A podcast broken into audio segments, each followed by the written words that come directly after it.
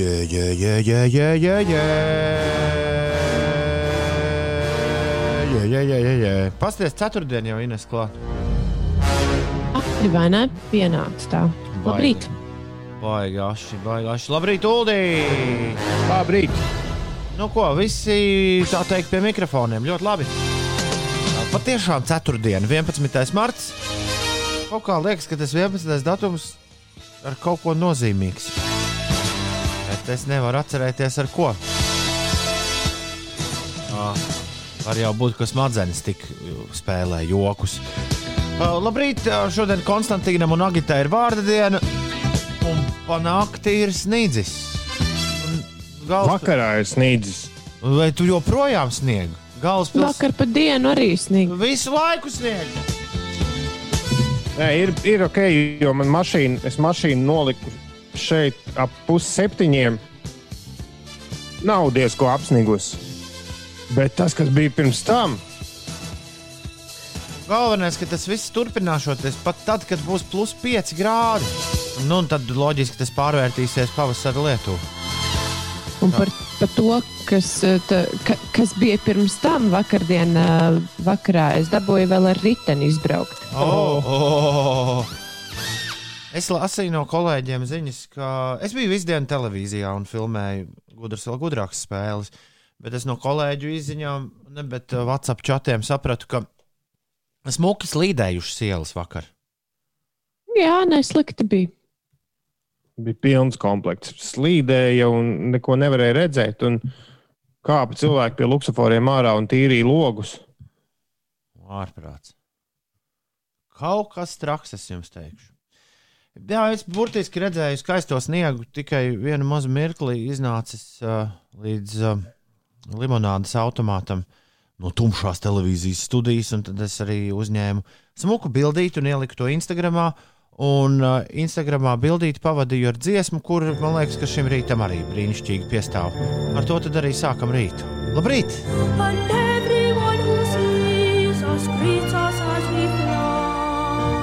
No Hovarda Blake simfoniskās poēmas Sniega vīrs Pīts Otīs, Walking in the Air. Šajā rītā. Man vakar atrakstīja viens uh, vīrs. Atrakstīja Instagramā, teica, ka viņš visu mūžu ir kopš uh, šo rādīja, uh, multeni ar uh, šo mūziku rādīja pa televizoru. uh, Padomju gadiem noslēdzoties, viņš vienmēr ir meklējis, kas šito dzied un kur to var dabūt. Un viņš bija ļoti priecīgs, ka es biju pielicis dziesmiņu klāt. Instagramā jau padomā, viņš to pirmo reizi pēc kādiem 30 gadiem uzzināja. Droši vien klausījās visu vakaru uz rīņķi vien. Okay. Patiesībā dziesma par rītu radio, jo nu, mēs jau ar tā kā pa ētera viļņiem, vai ne, dodamies katru rītu. Mm. Dodamies pa gaisu uh, pie cilvēkiem, kuri paliek tur lejā, apakšā un guļ, kamēr mēs jau lidojam. Kāpēc mums ir ēters un angļiem gaiss? Bet mēs jau ar sakām, ejam gaisā. Jā, bet angļi nesaka ēterā. Mm, Bet mūsu mūs ejam gaisā kāpēc- tas ir tāds žargonisms. Jautājums, kāpēc mums ir ēters, viņiem nav ēters? Vai arī Ulds prasīja? Nu, labi. Vai tad nē? labi lai, tā, Jā. lai tā būtu. Un lapsiņai taču gulēt. Lapsiņa pirms desmit minūtēm raksta, pieci rīta sagaidīti ar labu nakti. Bet nē, zinu, vēl, vēl pēc uh, minūtēm, septiņām šī atkal to pašu raksta. Lapsiņa, ej gulēt, viss kārtībā. Mēs te tālāk pieskatīsim, lai tad, kad tu pamodīsies, lai zemeslode joprojām griežas un lai kāds to sniegu, kas ir sasniedzis, arī ir jau notīrījis. Labrīt, šodien diezgan silts laiks ārā, raksta Čiriks. Laikam pavasaris nāk. Kas tur silts? Mīnus divi ir, man liekas, šobrīd aiz loga. Mēloja, mīnus trīs bija tad, kad es izkāpu no gultas. Jā, šobrīd joprojām ir mīnus trīs aiz garāžas studijas loga. Nauris grib, lai mēs kolēģi pabrīdinām, ka kaut kur stāv policija. Nu, klausies, radio jau gadu Nauri to nedara. Jā, kāpēc būtu jābrīdina, ka Baltasarā vai kur citur, es atvainojos, ir policija? Ko ko kolēģis dara tādu, lai viņam būtu jābaidās no policijas? Ei, Auri, tu vēlēsies, lai mēs. mēs neatbalstām to, ko kolēģis dara, ja viņam jābaidās ir no policijas. Jo Nevienam nebūtu jābaidās no policijas. no policijas nav jābaidās. Policija vienkārši uh, kontrolē, lai eļļa neieiet raznosā, vai cilindrā vai kā tur. To tu gribi, lai visi aizmieg pie šī tādas mūzikas. Riteņbraucējs Edžers to laikam domāja par We're walking in the air. Uh, šodien Edžers braukt pārāk liela trakumi uz ceļiem, jauku visiem dienu un izturību Oh, sētniekiem. nē. Tas nozīmē, ja mūsu rūtītākie riteņbraucēji šorīt brauks ar tramvajas darbu, tas nozīmē, ka man būs jāiet ar kājām. Ai, Kas tev bija automātiski, Ulu? Tas nebija ēteram. Ah, ok. Tu Ah. arī izlasīji kaut ko, kas nebija Man, ēteram. šķ- man šķiet, ka viss, man šķiet, ka viss, kas notiek, ir domāts ēteram. Nu, it īpaši, ja tas notiek pulksten 6 un 12. Kad mēs kādā jaukā dienā atkal satiksimies 9. studijā, Doma laukumā, nevis pa garāžām un viesistabām dzīvosim, tad uh, jūs droši vien būsiet ļoti izbrīnīti izdzirdot man dziedot līdzi dziesmām, jo jūs esat atbrīvoti no šī goda to klausīties jau 1, 2, 3, 4, 5, jau, pie, jau 5 mēnešus. Veidojas jauni ieradumi. Bet šim es izdziedā, izdziedājos līdzi pilnā balsī. Tie bija killers. Ir 6 un 16. Ines. Kas notiek? Par to sniegu. Nu, laidi vaļā. Daudz vietā uh, vidzemē un latgalē ir aptuveni 15 līdz 20 cm bieza sniega sega. Dziļākais sniegs novērojams stācija laukumos ir izmērīts alūksnē, tur ir 22 cm. Savukārt kurzemē, zemgalē un vietām latgales dienvidos sniega sega nav biezāka par dažiem centimetriem, vai arī tās nav vispār. Un Rīgas sensors ziņo par 4 cm biezu sniega kārtiņu. Dienas laikā kurzemē un vietām valsts centrālajā daļā, vakarā arī un naktī uz piekdienu jau visā Latvijā eh, dienvidu, dienvidu austrumu vēju brāzmās pieņemsies spēkā līdz 15-20 metriem sekundē. Sākot no rietumiem palielināsies mākoņu daudzums, saulainākā diena būs valsts austrumos, bet uh, kopumā dienā nav gaidāmi nokrišņi vakarā un naktī uz piekdienu gan no rietumiem virzīsies sestdienas. Gaisa temperatūra paaugstināsies līdz mīnus 1,3 grādiem. Rīgā dienas gaitā debesis pamazām apmāksies, nav gaidāmi nokrišņi un gaiss iesils līdz plus 2 grādu atzīmē un pakāpeniski pastiprināsies vējš. Tā ātrums brāzmās vakarā sasniegs 16 metrus sekundē. Citviet atcelti ir septiņi lieli Vācijas un Šveices vasaras mūzikas festivāli. Tā vakar pavēstīja to rīkotāji. Iepriekš eh, bija domāts, ka 2021. gada vasara būs eh, tā, kad cilvēki atkal redzēsies un satiksies festivālos, bet nu, šoreiz ir nolemts, ka turpinoties situācijai, tas nevar notikt. Jā, savukārt Angļi to Borisu Džonsonu 21. jūniju gan ir ņēmuši pa pilnu. Visa vasaras, uh, visa vasaras otrā un trešā trešdaļa ir pilna ar festivāliem.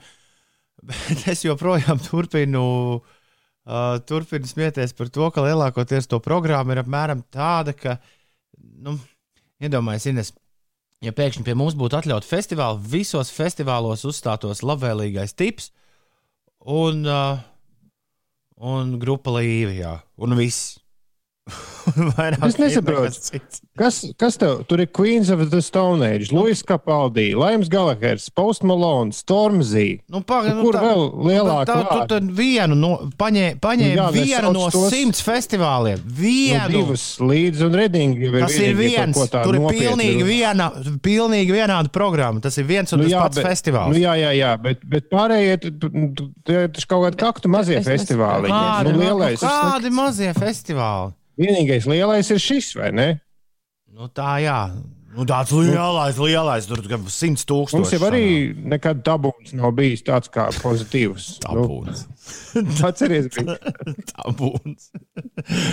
Ines Es īsti nesaprotu to uh, nezinu, sarkasmu vai, vai ko es sadzirdu tavā balsī. Nu, Tas vismaz ir festivāls. Nu, jā, un t- t- to, ko diskusijā, nu, man, man šķiet, ka ļaudis Latvijā šogad braukt uz festivālu, kurā būtu tikai latviešu grupas. Arī par lielo Ar, naudu. arī, ja būtu tikai labvēlīgais tips un līvi. Nu, kāpēc tādas nosaucas? Vai tad mums grupu pietrūkst? Ir, tur jau tā lieta, vai, vai angļiem pietrūkst grupas, bet lielākoties viņiem spēlē labvēlīgais tips un bītli visur. Es Bija- nezinu, es īsti nevarētu Nē, to nosaukt. To, tā nosaukt to, ko Ā, Uldis uh, nosauca. Ir 20 minūtes pārpusdienas, 6 no rīta. Uh, uh, Ines, tu esi kādreiz dzirdējis par festivālu tabūns? Nē, nu, tā jau man likās. Tā, labu rītu no Bauskas lāča. Raims ir novērojis, ka pie ķekavas sniegs beidzas, un izskatās, ka sniega stihija šo nakti ir ķērusi tikai un vienīgi rītu. Riteņbraucējs ēģi pasties tev vēstulīti nesatsūtījusi. Viņš raksta, ielas ir netīras un apladojušas, bet uz braucamās daļas ir tik daudz sāls, ka varēs pa peļķēm maukt. Slapjas kājas nav forši. Kā teica Emīļa nedarba filmā, galvenais, lai kājas ir siltumā. Es ieteiktu velo braukšanu atlikt uz dienas otro pusi, kad paliks nedaudz siltāks. Tāds lūk. Bet man vajag ļoti ātri nokļūt pēc tam atpakaļ no darba mājās. Un to es varu izdarīt, braucot ar riteni, Nu, nevis to- ejot ar Bet kājām. To tu arī izdarīs. Tavs ritenis tak ir. uh, Es riteņbraucu ēģu nekā personīgi, bet es domāju, ka Inesē ir bijis nopietnāks gabarīts nekā tev. Nu, es neticu. Uh, labrīt, jaukais Radio 5. Raksta Alfrēds. Es jums novēlu kristāla dzirdības brīvdienas.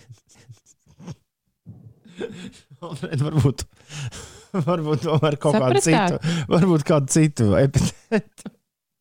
Kristāli dzidras. Kristāla dzidras brīvdienas un spožas dienas pavadīt ar saviem tuvākajiem ģimenes locekļiem. Bang, bang, labrīt, Alfred. Lai arī tev bang, bang, tūdī bija arī easy, lucky, viss um, oh, forši. Kongresī mī. Tā.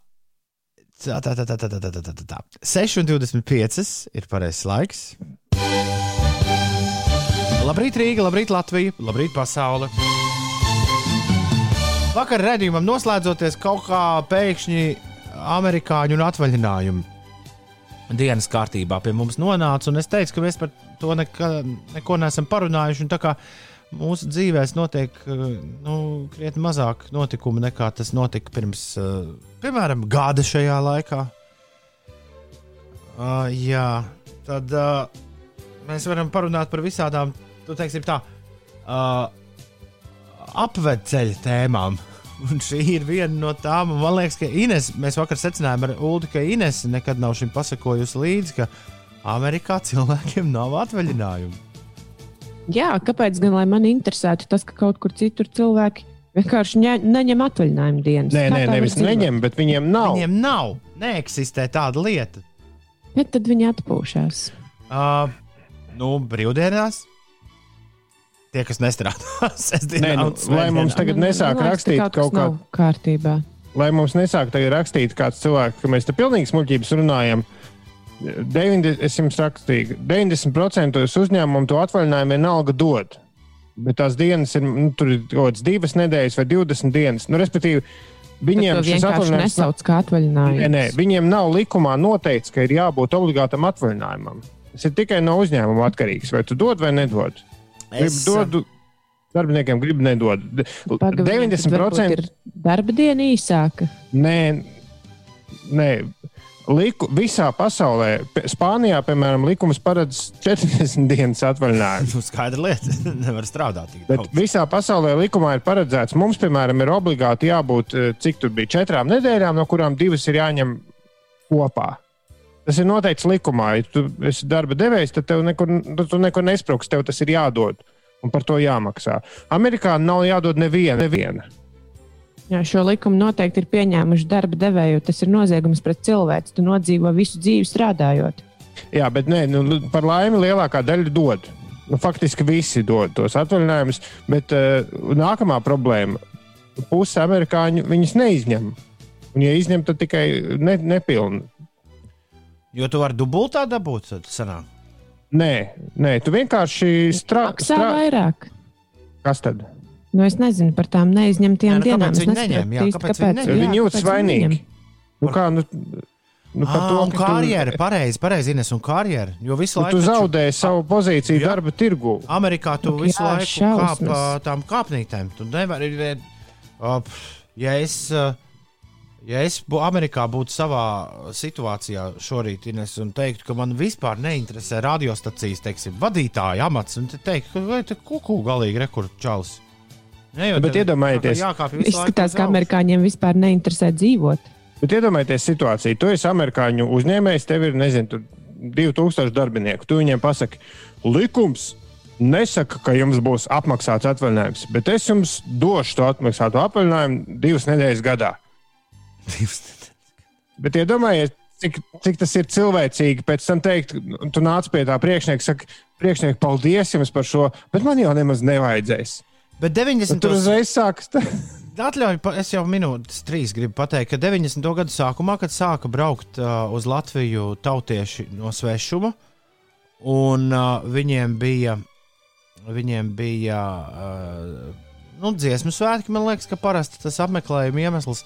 Tad viņi, es jau toreiz, kā mazs puika, atceros, ka viņi ļoti rēķināja. Par to bija runa, ka viņiem ir viss baigi izrēķināts, lai viņi pēc iespējas mazāk darba dienas pazaudētu braucot ciemos uz Latviju, jo, jo jā, tas uz, es kaut kā atceros tieši tekstu par to, ka nē, mums jau nav apmaksātu atvaļinājumu. Jā, dienu. nu, man ir žēl amerikāņu tādā gadījumā. Ne, es to pamanīju pirmo reizi, tad, kad pirms kaut kādiem pāris gadiem es sāku klausīties Amerikas rīta radio tā kā vairāk. Un tikai pēc kāda pusgada man sāka pielikt, ka atšķirībā no mūsu eiropeģiem un mums pašiem, viņi nav nu, nevienā brīdī pazuduši no ētera. Proti, arī radio cilvēki ir mauts savas rīta maiņas. Pa kuru laiku viņi iztērē savu sapelnīto naudu? Pēcpusdienā. Vidējiem amerikānim, uh, tā ir, ah, re, kur ir Washington Post pētījums. Vidējais amerikānis uh, apmaksāt atvaļinājumā ir 17 dienas gadā. Tas ir mazāk nekā bija uh, pirms kaut kādiem dažiem desmitiem gadiem, kad bija 20. 17 dienas gadā Vidēji. vidēji. Un Tas ir divi ar pus nedēļas. un Thanksgiving, un Christmas, un tas viss ir iekšā. Šie viņiem 17 laikam, ka dienās. nav. Man liekas, ka tur ir vienkārši brīvdiena, jo ir atšķirība, ir brīvdiena vai, vai apmaksāta brīvdiena. Tur arī kaut kāda. Jā. Nē, nu kā? Nu, Vidējais, vidējais apmaksātais atvaļinājums darbiniekiem, kas nostrādājuši no 1 līdz 5 gadiem, ir 10 dienas. kā mūsu, um, Mums ir mēnesis. mūsu bijušais boss Kārlis Dagils, kurš Vašingtonā nomācījās un nostrādāja vairākus gadus, tad, kad viņš atgriezās šeit, viņam īstenībā bija, viņam paveicās, jo tagad viņš ir Latvijas radio, pirmkārt, viņam paveicās, jo viņš ir Latvijas radio ziņu dienesta vadītājs. Otrakārt, Kārlim paveicās, jo viņam vispār tā dzīve Amerikā būtu turpinājusies, ja nebūtu uznākusi pandēmija. Tagad viņš ar bērniem var būt mierīgi Latvijā un, un, un savas amerikāņu lietas kārtot uh, internetā, ja viņam vēl kāda lieta ir kārtojama. Bet es atceros, ka tad, kad pēdējo reizi viņš atbrauca, viņš izskatījās šausmīgi noguris. un Es prasīju, nu, nu kā jau visi parasti prasa, es prasīju, Kārli, kā ir tajā tālajā Amerikā? Un viņš teica, šausmīgi nogurdinoši. Jo visu laiku vienīgās tēmas, par ko cilvēki runā, ir vai nu kā tērēt naudu, vai arī vienkārši bez jebkādas loģikas skrien līdzi trendiem. Nu, tad labi, tā- tādi nav pilnīgi visi amerikāņi, bet man tāds tiešām bija- viņi ir žēl, pa nu, kuru laiku viņi bīstam dzīvo. Tāds bija tas viņa novērojums. Nu, labi. Mans es, novērojums- es ļoti ceru, ka viņiem, eh, kā saka, darbs ir tik liela sirdslieta, ka viņi tur gūs tādu dzīves piepildījumu. Es esmu no savas Nav dzīves tikai divus mēnešus pavadījis Amerikas Savienotajās valstīs. Man tās iespējas Ines palika tāds, ka es neredzēju, pirmkārt, es neredzēju nevienu, kurš tur būtu pārstrādājies. Nu, bet tas droši vien ir mans burbulis, kurā es biju. Bet es tiešām neredzēju nevienu cilvēku, kurš, ir, nu, kurš baigi strādātu. Jā, visiem darbs, visiem kaut kas jāpadara, bet nu, tas ne tuvu nebija Eiropas slodzēm un trīs darbiem līdzvērtīgi. Kā tad ma, savukārt manā burbulī lielākā daļa dzīvo. À, es varbūt sapratu, tad viņiem ir viens darbs, kurš ir diezgan īsi, bet tu saņem diezgan lielu naudu par Jā, to. vispār- Līdz ar to tev tā- nav jāskrien par trim, četriem darbiem. Bet tas, kas man kā ziemeļnieku un eiropietu, nu tā kā rīktīgi nobesīja, Kādas jūs muļķības šobrīd runājat? Es atvainojos, kolēģis. Pagaidām, pabeigt. Bet tas, tas, kas man rīktīgi Ines, ir palicis, ir nu, šis labais garstāvoklis, kas visiem ir. No rīta līdz vakaram, vai, vai, vai, vai, vai, vai. Tur neviena arī būtu priecīgi, ja Tur- man būtu, nezinu, teiksim, Tur 4 neviena- stundas dienā Tur jāstrādā. neviena bēdīga cilvēka nav. Tā šķiet. Kur viņi to prieku atrod? Pat uh, bezpajumtnieks, kurš rāda žurciņu uz ielas Ņujorkā, viņš tik priecīgs. O, sveiki, jūs no Eiropas, ha, ha, pasties, kāda man žurciņa. Tā. Vai tev nav kāda nauda palikusi? tā kabatā? reizē, kad es biju Amerikā, es, uh, es sapratu, ka tā noteikti nav tā mana sapņu zeme. Jo uh, toreiz, kad mēs braucām no, no Kanādas uz uh, Ameriku, uz robežas, mums, mums ļoti, ļoti pārbaudīja robežsargi. Tā viņa attieksme bija tāda, ka mēs cenšamies ielausties tajā, mēs nabadzīgi no Eiropas cenšamies ielausties tajā sapņu zemē, tajā piepildījuma zemē. Bet, uh, atbraukuši te ar savām keramikas pudelēm un kaņepju Bet, kaut ā, kādiem izstrādājumiem. Bet, bet, bet nē, tā galīgi nebija. Es sapratu, ka tā tiešām nav sapņu zeme. Punktu pieliks ULDS, jo mēs esam ar dezinformāciju nodarbojušies. Nē, jūs vienkārši katrs savu mazo burbulīšu novērojumu mēģināt sludināt kā patiesību. Un, uh, skaidrs, ka tu, tur ir ļoti daudz smaidīgu cilvēku, jo tur vienkārši ir pieņemts smaidīt. Skaidrs, ka tur cilvēki neņem atvaļinājumus, jo tur ir pieņemts strādāt. Un darba kults tur ir milzīgs. Un, ja paklausās, piemēram, ja tu vēlēsies kļūt par nezinu, nu, nopelnīt pirmo miljonu 30 gadu vecumā, tad tev jāstrādā nejēgā lielas stundas. Neviens tur tā nečilo, kā tu teici. Un, nu, ka, t- tā ir milzīga valsts, tā ir lielāka, nu, lielāka par Latviju. Nevar būt. Nevar būt tiešām. Ka, tur var atrast gan pilnīgi sliņķis, gan viss. Bet, bet tā viņa atvaļinājuma, jo es, es vakar tiešām pētīju to viņa atvaļinājumu kultūru, un atvaļinājumi viņiem ir. Tā, tā, protams, ka nav, ka viņiem nav atvaļinājuma. Atvaļinājumi tas, ka tas nav noteikts likumā, dīvainā kārtā, tā ir cita lieta. Bet viņiem atvaļinājumi ir. Bet, tā, bet saprotiet, ja tev darba devējs to atvaļinājumu principā uzdāvina, tā ir dāvana. Viņam tas nav jādara. A, kur paliek atvaļinājuma nauda? Pieklājīgam cilvēkam. Es varu paveikt. Pieklājīgam cilvēkam, taču emocionāli gribas tev kaut kādā veidā tam darba devējam atlīdzināt, pateikt, man jau nevajag nemaz to dāvanu. Ja tev priekšnieks saka, nu, re, kur jums uh, bezmaksas naudu uz divām nedēļām. Nekas, nekas, es paņemšu tikai desmit dienas priekšnieku, es būšu labāks darbinieks. un Tur, tā tas tur notiek. Jā, es būšu labāks kā Ulas. Redzu, Ulas Jā. pat divas nedēļas. Es būšu Nu, jā. tikai. Tieši tā, vai varētu savākt vēl jūsu atvaļinājumu dienas. Jā, jā, jā, jā, jā droši, droši. Droši, droši. Cita lieta, kā viena, viens vīriņš ir tāds uh, monēta uzstāšs, naudas, naudas uzsvīts.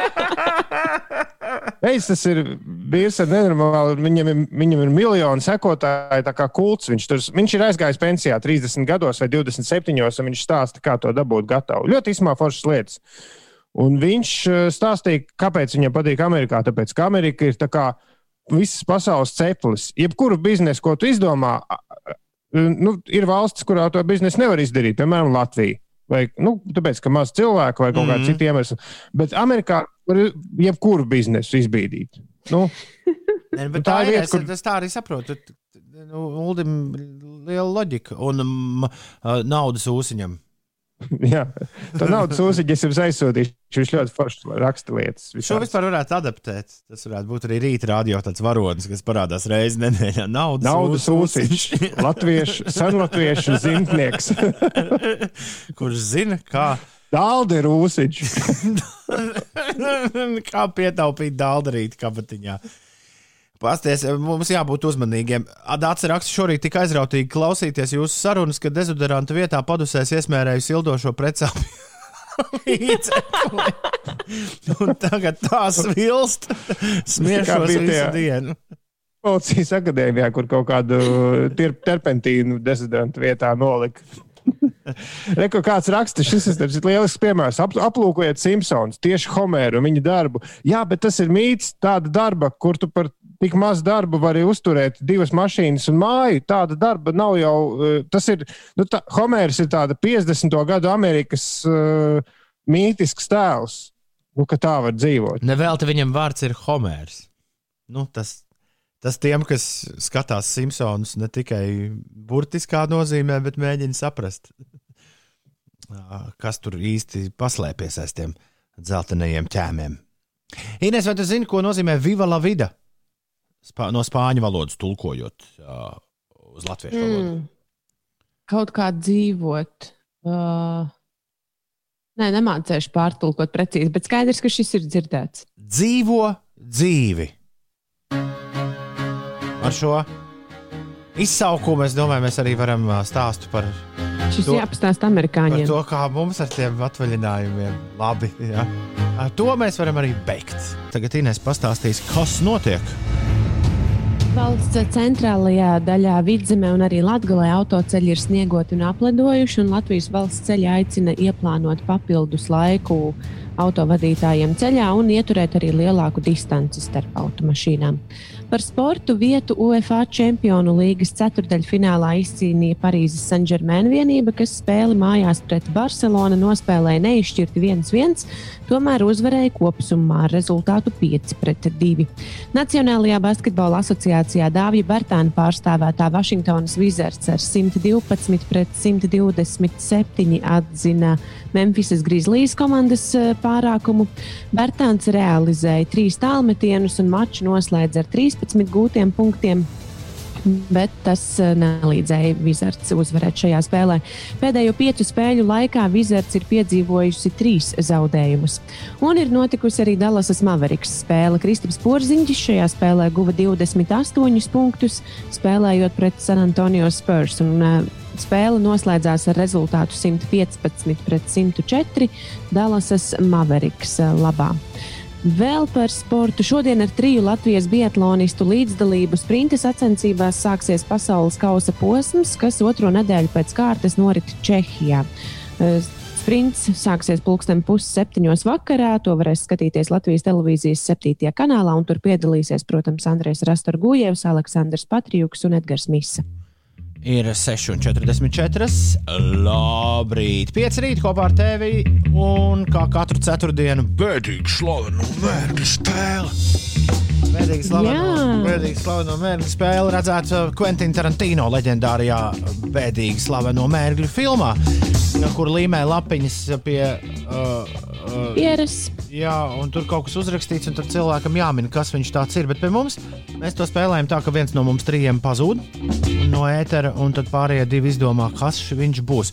Man to ir visgrūtāk izdarīt, ā, atrodoties garāžas studijā. Laikam visvieglākais, ko es varu darīt, ir vienkārši izslēgt austiņas. Jā. Es pat varu runāt, tad es izslēdzu austiņas, tad es jūs nedzirdu. Tā mēs varam mēģināt darīt, un es arī mēģināšu neskatīties jums uz lūpām, jo iespējams, ka tur ar viss kaut kas ir redzams. Nē, bet man jāskatās jums uz lūpām, jo jums ir jāmāja, lai es atgriežos. Mēs jau tev varam arī mūsu chatiņā padot ziņu. Labi, dariet, tā. dariet. Nepievērsīšu uzmanību. Labi, jūs paliekat ēterā uh, divi tā. Lūdzu, izlemiet, kas es būšu. Tā, nu, tā Uldi. Jā, es Ines. noklausījos pagājušās reizes mērķu spēles sākumu, kur Toms teica, ka viņš gribot salauzt man smadzenes ar savu izdomājumu mērķu spēlē. Es domāju, ka ir pienācis laiks man atriepties viņam. Nu, Nu, labi, es neesmu izdomājusi neko tādu lielu priekš uh, viņa. Es nezinu, viņš varētu būt kaut kāda naglu pistole vai kaut kas tamlīdzīgs. Bet man liekas, ka viņš to vārdu pat nemaz nezina. jā, es. es uh, nu, labi, viņš varētu būt šodiena. Šodiena? šodiena, bet tas šķiet vēl, vēl murgaināk par šo gadu. Nē, bet es atceros to, ka mums pārmet, ka mums pārāk maz cilvēku ir. À, personības šajā Jā. spēlē. Jā. Un varbūt viņš varētu būt tajā filmā par mērgļiem, tā sieviete, kas līmē to lapiņu. Uh, Man arī pat, es, ne, es atzīšu, es neesmu redzējis pašus filmus. es, es, es, es šo varu novadīt, es atradīšu, kas viņa tāda bija. Uh, Jā, Jo tā bija, bet, bet nevis tā aktrise, bet tieši tā filmas varone. filmas varoni, tad izdomāts tēls. Uh, ja? Varam mēģināt, jā. Es ceru, Viss, ko es par viņu zinu, ka viņa bija spiedze. Viņa bija sieviete, tā tad spiedze. Uh, nu, viņa uh, bija iefiltrējusies vāciešos. Mm -hmm. Un, uh, un, uh, un, un viņai bija kleita. Es atradīšu par pārējo. Ja? Viņai bija kleita. Jā. jā, ļoti Jā. labi. Tie ir īsti atslēgas vārdi. Tā mums viņam chatiņā bija jāieraksta. Tā, I'm back. Jā, ļoti labi. Tā, un es varu sākt minēt. Mm, jā, Labs ir. Tā. Vai es esmu cilvēks? jā. Jā. Vai es esmu reāli šobrīd eksistējošs cilvēks uz zemeslodes? Nē, Vai es esmu vēsturiska personība? Uh, savā ziņā jā. Vai es esmu iz- izdomāts? Vai, nē, vai, tad, vai es jebkad esmu eksistējis reāli, nu, tā kā satiekams uz zemeslodes? Uh, es teiktu, ka nē. Tā tad es esmu uh, iztēles radīts cilvēks. jā. Jā, Es esmu cilvēks, kurš ir iemūžināts neskaitāmās kinofilmās. Neskaitāmās. nē. Es esmu iemūžināts vienā kinofilmā. Nu, te tu Inês pateici priekšā, jā. Vai es esmu cilvēks, kurš ir iemūžināts arī animācijas filmās? Nē, Nē, Tā tad es neesmu jūrnieks papais. Tas ir pirmais, ko es iedomājos. Man liekas, filma ir viena tikai ar papai. Okay. Vai filmu, kurā es esmu iemūžināts, vai tā ir latviešu kinofilma, nē. nē. vai tā ir Holivudas filma, Jā, Mhm. vai tā ir filma, kas ir tapusi nesen? Nu, labi, nesen tas ir baigi plašs jēdziens. Vai šī filma ir tapusi 21. gadsimtā? Man šķiet, ka jā. diemžēl sanāk teikt priekšā tik ilgi. Jā, jā, jā. jā, jā. Vai šī filma ir tapusi pēdējo, pēdējā gada laikā? Pēdējo, vai tā iznākusi ir pēdējā gada laikā? Nē, Nē, Vai šī ir Quentina, Quentin Tarantino filma? jā. Vai mēs runājam par vēdīgu slaveno mērgļu filmu? Jā, Vai mani filmā spēlē Brits Pits? nē, Vai mani filmā spēlē Kristofs Volts? nē. Vai, mani, vai es esmu tā Barbara, vai es esmu tā dāma, kur spēlē bedīgu, be, bedīgo mērgļu spēli ar šitiem te zeltātiņiem? Nē, beidzās laiks jau. Nē, ir uh, vēl pēdējais, trešais. Ah. Nu, jā, tu esi tā dāma, kas spēlē bēdīgi vai es tagad varētu mēģināt izdomāt, kā viņu sauc. For, for, tā ir reāla aktrise, kas ir reāli dzīvoja. Kāpēc jūs teicāt, jūs varētu man visu samaisīt? Jo tā ir reāla, uh, viņas nu, tēla prototyps ir reāla aktrise no vācu laikiem, Jā, kas ir spēlē, kas ir dzīvojusi. Ā, Līdz ar to tāds cilvēks tiešām ir bijis. nu nē, īsti. Kā ne Nu, īsti. nu, kā ir bijis, vai, vai tā. Bet fon, fon, vai, fon, kaut kāda fona viņa bija. Ah, fon, ha, Majersmeka, Hajersmeka, Bajersmeka. Ārprāts. Ah, ko lūdzu? cilts, cilts. Es, es zinu, ir silts. Barbara fon Hammersmika. Nē. Vēl siltāks. Uh, nebūs, nē. Bet es, es jūtos kā uzvarētājs vienalga. Jo es Nu, ir, ir. Mēs mēģinājām mazliet Inception, jo Haršmarka. Hammersmarka. Hammersmarka. Hammeršmarka, jā. Bridžeta Foms Hammersmarka, bet, bet Bet par to Uldi- īstumu. Jā, Man ir aizdomas, ka Toms kaut kādā veidā ir dzirdējis, ko mēs runājam, jo pārāk veiksmīgi viņam sanāca nonākt pie šīs filmu nu, nē, varonas. nu, no Tarantino jau mēģi spēlēja, mēģi Es būt teicu, pirmā. ka vajadzēja būt viņam naglu pistolei. Nu, jā, nā, Ines gribēja naglu pistoli. Un mans ierosinājums bija šodiena, O, labs, labs, labs. bet tas būtu bijis pārāk ar šo gadu.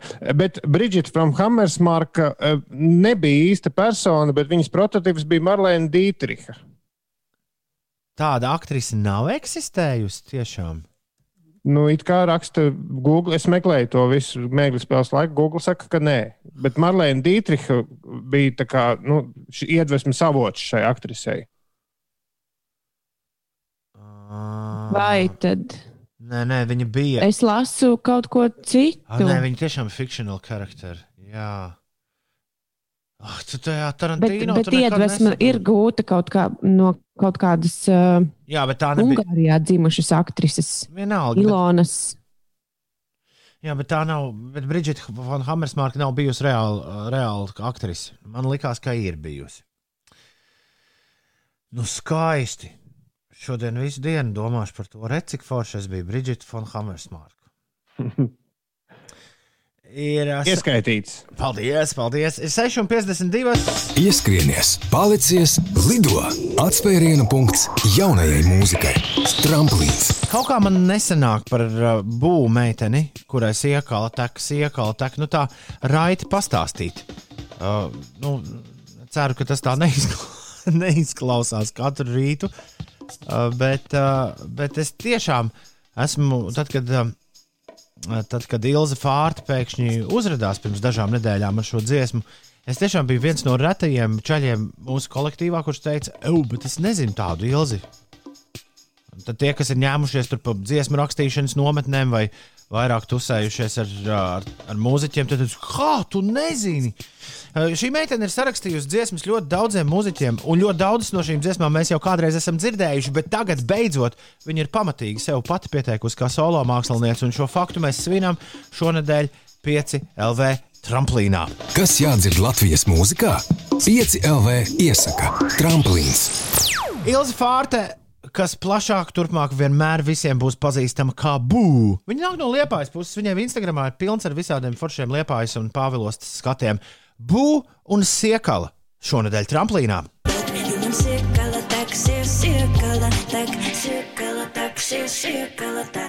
Būva un siekala tramplīnā. Mēs noteikti šo spēlēsim pusgadu vēl uh, uz uh, riņķi vienā. Jā, uz riņķi vien un riņķi vien. Ir uh, 6,57 minūtes un nenormālā mērkaķa tempā. Es šobrīd mēģinu norganizēt ko? Laika mašīna. Tu laika mašīnu droši vien mēģini jānorganizēt. Jā, bet Laika mašīna. man tas mērkaķa temps nepadodas nekādā, nekādā vīzē, jo tā dziesma par to siekalu bija šausmīgi, šausmīgi īsa, man dārgie rīta kolēģi. Labi, būs. Laika mašīna. 6,57 minūtēs. Nu, šodien pagrūtāks uzdevums. Rietumu pasaulē 70. gados vispopulārākās limonādes galvenā reklāmas tēma, kas loģiski no reklāmas uh, pat kļuva par pastāvīgu pophitu. I'd like to teach the world to sing šorīt skanēja laika mašīnā, bet kas to varētu izpildīt? Tas ir ļoti labs jautājums. Uldunīnes, vai jums ir kāda nojausma? Uh, Sveiciens visiem seriāla Mad Men- Mad Men faniem. Ar šo dziesmu arī ar reklāmu lieliski arī seriāls noslēdzas. Neteikšu kā un kāpēc, bet uh, nav nejausmas. Mērija. O, es domāju, ka Uldis zinās. Es jau biju gatava celt Kapitulēt. protestus, ka tiek, Kapitulēt, jā. nē, nevis kapitulēt, bet uh, teikt, ka nu, pēdējā laikā laika mašīnā ir izskanējušas tiešām tādas uh, senas uh, mūzikas. Bet es nezināju šo saistību ar Medmenu. Ines. Es mazgāju rokas nemanībā. Man nav jausmas. Mērija. Kāda mērija, Ulu? Asiņainā. Nu, Bet klausītāji gan daži zina. Aigars šorīt iet pie ledus skāpja sensītam Dainim šis izdevās, un Aldis zina, kā šos sauc. Tie bija The New Seekers, kas izpildīja I'd like to teach the world to sing, un tā, dāmas un kungi, bija laika mašīna. Senos laikos, nemaz netik senos Ines, tos laikus atceros, atceros, bija. uh, Mums bija fantastisks, fantastisks klausītājs, un ne tikai mums, viņš bija fantastisks klausītājs arī citiem, citām radiostacijām, citiem dīžiem. Vitālijas, atceries Vitāliju Ines? Jā, atceros. Diemžēl nu jau vairākus gadus Vitālijas ir pārvietojies uz nu, kaut kādu nākamo dimensiju un nav kopā ar mums. Bet uh, Vitālijs bija tas, kurš par jebkuru veco dziesmu, ja diskžokais kaut ko nelīdz galam pareizi pateica. Tad uh, vienmēr Vitālijs bija klāts ar kļūdu labojumu, un Uldis lēnām pārvēršas par jaunu Vitāliju. Jo uh, Uldis ļoti grib precizēt pagājušās stundas noslēgumā dzirdētā The New Seekers. I'd like to teach the world to sing limonādes reklāmas faktus. Nē, visai pareizi. Man vienkārši ļoti interesē dažādas šādas aizkulisku faktu. Piemēram, fakts, ka Dienvidāfrika pieprasīja limonādes ražotājiem šīs reklāmas versiju, kurā nebūtu tumšādainu aktieru, jo tajā laikā tur bija tas apartīts un viss. Un tā rezultātā šī limonāde nu, pārstāja investēt naudu šajā valstī. Bet, jā, izrādās, ka, var sakot, izskanēja ēterā reklāma, Tad radio dīdžiem sāka zvanīt cilvēkam un prasīt, kas tā pa dziesmu mēs gribam dzirdēt vairāk. Un uh, dziesmas autors uh, nevarēja savākt grupu The New Seekers uh, pietiekami ātri, lai ierakstītu to dziesmu. Tāpēc viņš paņēma visādus nu, cilvēkus, kas tajā reklāmā bija palīdzējuši iedziedāt, un iedziedāja fiksi dziesmas versiju, lai varētu palaist to radio, kas arī kaut kādos topos iekļuva, un viņi nosaucās par Hillside Singers. Un tad pēc kaut kāda laika ierakstīja īstā grupa šo dziesmu. Un īstai grupai gan gāja krietni labāk. Viņi pārdevuši 12 miljonus, un to visu atradu Wikipēdijā. Ines, bet šādi var, ka, nu, no DJ perspektīvas, šādi var stāstīt par jebkuru dziesmu. Ja tu atceries vēl, tad pirms stundas mēs iesākām uh, mūsu rīta raidījumu ar Pīteru Otiju slaveno dziesmu no Multenes par sniega vīru Walking in the Air. Jā. Šī dziesma skan šādi. Jebkurš angļu cilvēks ir pārliecināts, ka šo dziesmu dzied nevis šis Pīters Autīs, bet gan Aleks Jones, kurš ir uh, gana populārs, starp citu, figūra arī joprojām Lielbritānijas akadēmiskajā mūzikā. Viņš ir, uh, nu, ja ne gluži tāds viņu orests celebriedis, tad uh, ne, nebūs man labs piemērs, kas ka viņš varētu būt. Bet Aleks Jones, piemēram, strādā pasaules arī populārākajā klasiskās mūzikas radiostacijā Classic FM. Uh, bet tā problēma, problēma ir tāda, ka tad, kad Pīters Otīs šo iedziedāja, tad neviens nekur nebija uzrakstījis, ka tas ir Pīters Otīs. Uh, 82. gadā. Savukārt, trīs gadus vēlāk, vajadzēja kādas rotaļlietu kompānijas vajadzībām šo dziesmu iedziedāt no jauna. Un uh, dziesmu, tāpēc, ka Pīteram Otijam bija nolūzusi balss, jo loģiski viņš dzied šeit, nu, mēs visi dzirdam, ja tur Moonlit sky. ir zēna balss. Tad Aleks Džons to ierakstīja no jauna. Un tā dziesma tika arī pārizdota dēļ tās reklāmas panākumiem, un uh, Aleks Džons nonāca Top of the Pops televīzijā un dziedāja to dziesmu. Un tāpēc visi angļi domā, ka arī multenē skan Aleks Džons balss, bet tā nav. Ok, es iztērēju divas minūtes stāstot šo. Es Was zinu, it, ka Inesei? Inesei uh, diezgan reizēm ir vienaldzīgi šie stāsti par vecu mūziku. Maigi izsakoties, vai Es, ne? es pieļauju, ka Ines nav vienīgā. Tas bija arī punkts, ko es vēlējos pierādīt. Es Skaidrs, ka katrai dziesmai, katrai dziesmai var atrast kaut ko apakšā. Ir, pēc 30 gadiem, ko tik nestāstīs par Ānu Kristu, kur tūlīt būs mūsu playlistē? Nu, nē, bet piekritīs, Ines, ka šie ir labi stāsti. Nu, par to, ka tur salūz balss vai ka ne, vai tur savāc citus dziedātājus un nosauc tos pilnīgi par citu grupu. Un, nu, tie tomēr ir stāsti. Tas ir kaut kas vairāk nekā, eh, jā, mēs sacerējām dziesmu, ierakstījām, tā kļuva par hitu. Un mūsu koncerts notiks nākamā mēnesī. Biļetes jūs varat paštēlēt tur, tur un tur. Nu, jā, jūs jau atbildējāt manā vietā, protams. Viena, viena mums pikta te uldi.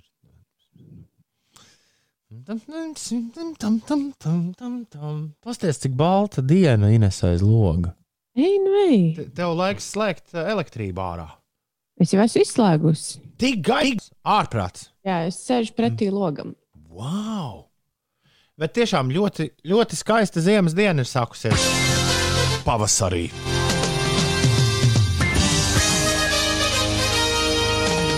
Diena ir ceturtdiena, datums ir 11. mēnesis, ir marts un gads ir 2021. Noskaņojums! Nu, Ir okay, ļoti labs. Viss pa mājām, jā. Tāds ir noskaņojums joprojām. Tadadam, tadam, tadam, tadam.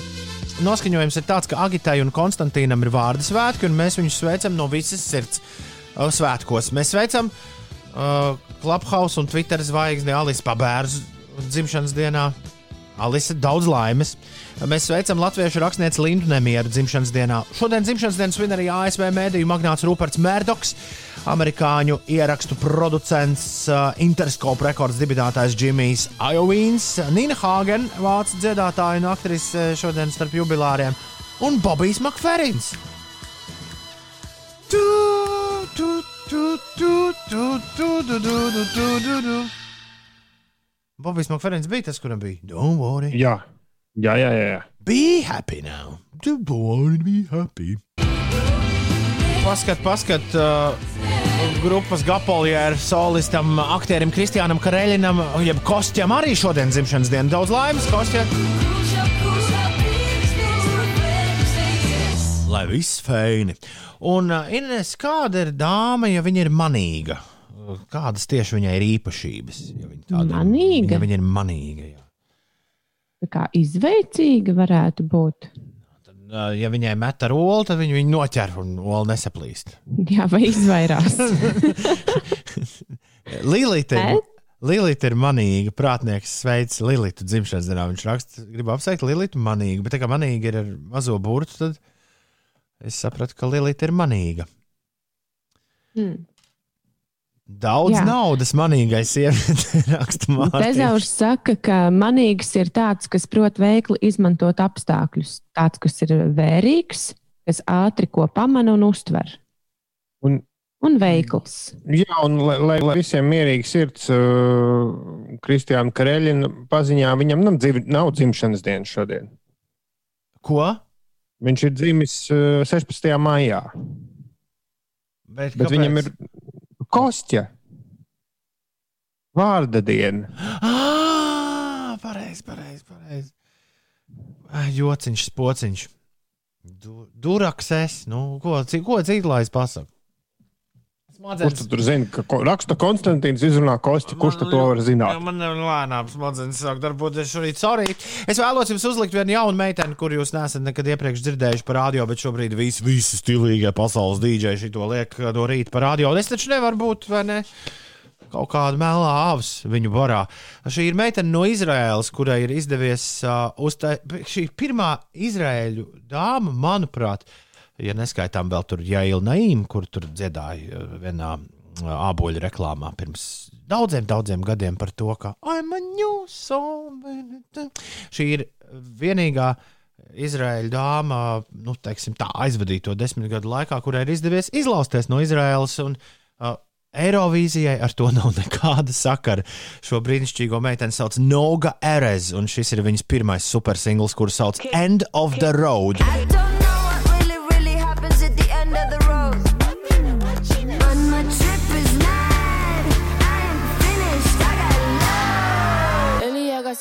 Es nevēlējos, jā, man jāatvainojas Lilitai, un, bet prātnieki, tu uzrakstīji ar mazo burtu Lilitas uzvārdu. Nu, es, tas ir pēdējais, ko darīt. No rīta smieties par kādu cilvēku vai taisīt jautru sketču no cilvēka. Bet tas jau nebija uzvārda. nekāds jautrais sketčs. Tas bija stāsts par uh, cilvēkiem, tās kas ir īpašības, manīgi. ko, nu jā, bet tās īpašības, ko mēs nosaucām, tās jau nebija sliktas, tās bija labas.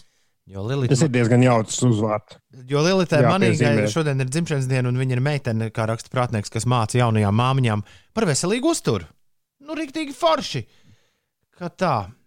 Un Lilita, es ceru, ka tu vairāk smaidīji nekā, nekā domāji, ko tu ko tu tur atļaujas. Inesē ir 7,25. Pastāst, kas notiek. Pastāstīšu gan, kas notiek. Situācija uz autoceļiem eh, Vidzemē un Latgalē autoceļi ir sniegoti un apladojuši. Latvijas valsts ceļi aicina ieplānot papildus laiku ceļā un ieturēt lielāku distanci starp autovadītājiem esot satiksmē. Tas par tādu lielo kopējo bildi, bet šodien Grīziņkalna apkaimē un arī atsevišķās vietās klusajā centrā ir ieviests ātruma ierobežojums līdz 30 km/h. Tas tiek darīts gājēju un mazāk aizsargāto satiksmes dalībnieku drošības uzlabošanai, kā arī transporta radītā trokšņa samazināšanai. Ātruma ierobežojuma zona tiek ieviesta teritorijā starp eh, Čaka ielu, Pērnavas ielu, Jāņa Asaru ielu, Avotu ielu un Matīs ielu. Šajās lielajās ielās eh, atļautais braukšanas ātrums saglabāsies nemainīgs, kāds tas ir, bet jaunās satiksmes organizācijas izmaiņas attieksies uz teritoriju starp šīm minētajām ielām. Un, kā jau es teicu, arī klusajā centrā, tur teritorijā starp Elizabetes ielu, eksporta ielu, Hanzas ielu, Pulkoža brieža ielu, tur arī mazajās ieliņās būs šis te, uh, ātruma ierobežojums 30 km/h, nevis uh, kā ir bijis līdz šim. Tas jāņem vērā tiem, kuri skrien.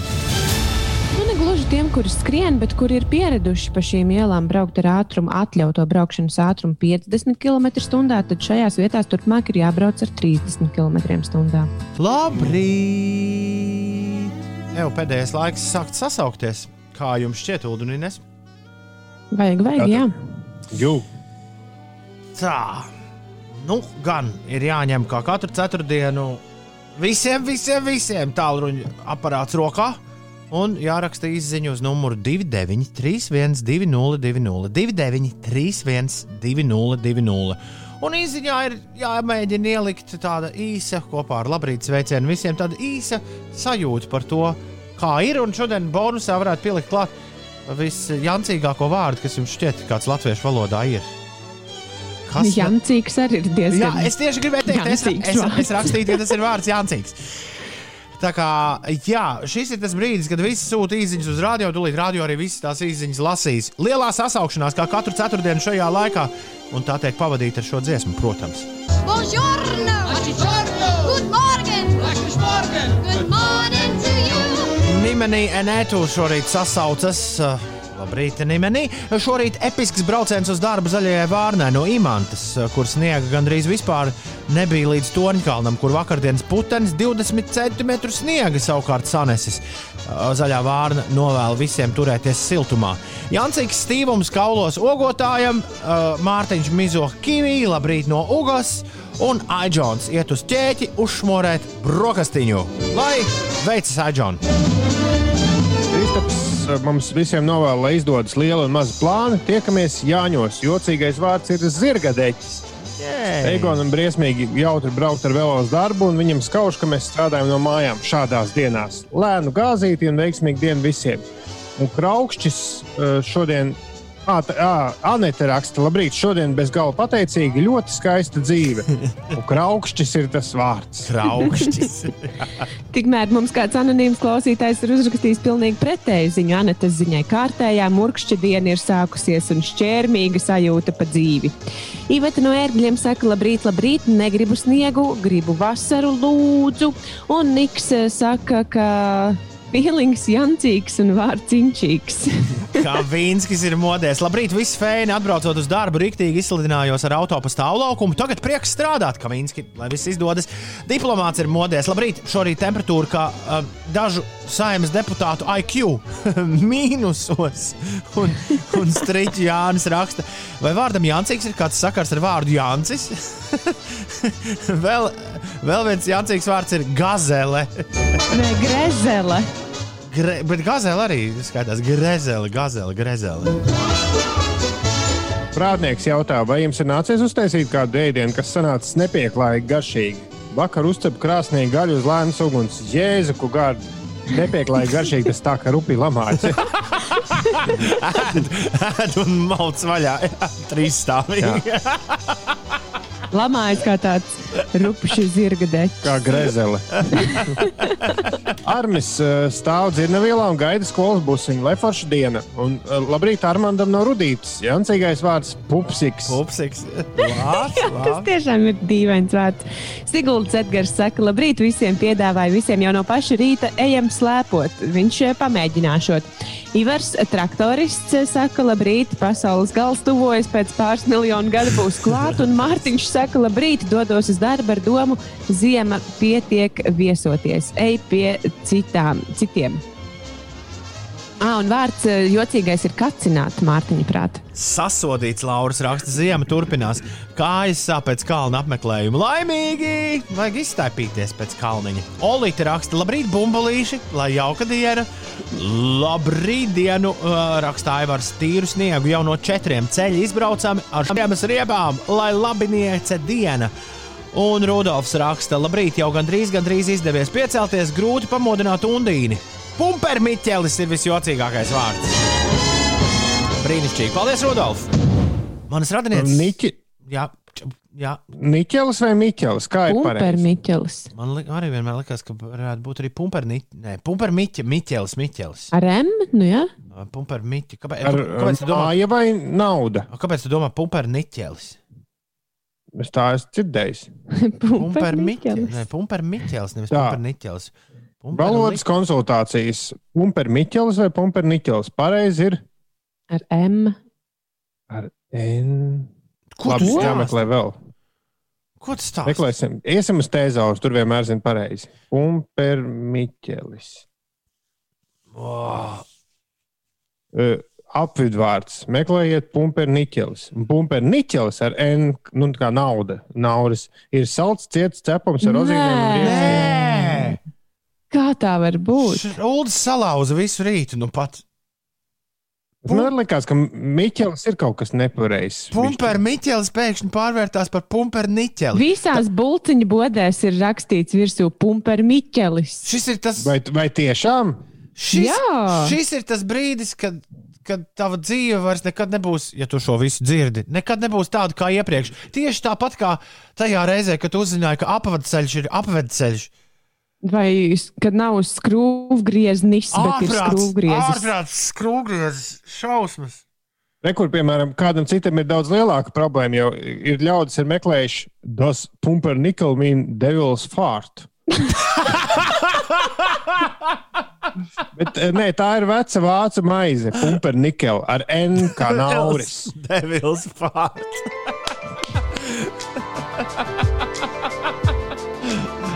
nu, jā, jo vā- no vēlna jau viss tāds salds, viņš man vilina klāt.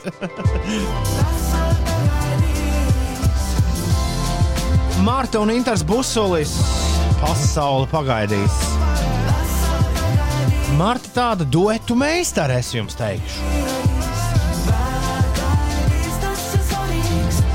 Šī dziesma ļoti eh, ilgi nu, nāca. Man sākumā likās, nu, nu tāda forša, bet nu tā.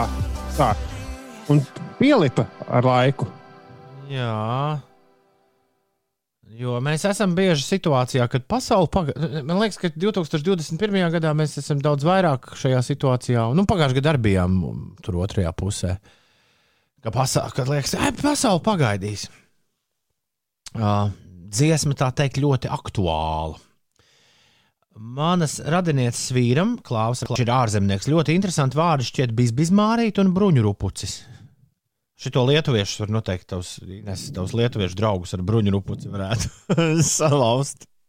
Tiem, kuriem džungļu šņori un kas tur tik. Putekļu cūcis. Jā, jā, bruņu rupucis. Ja mēs tā padomājam, tie patiešām ir jancīgi vārdi, raksta Klāvs. Kurbāznis.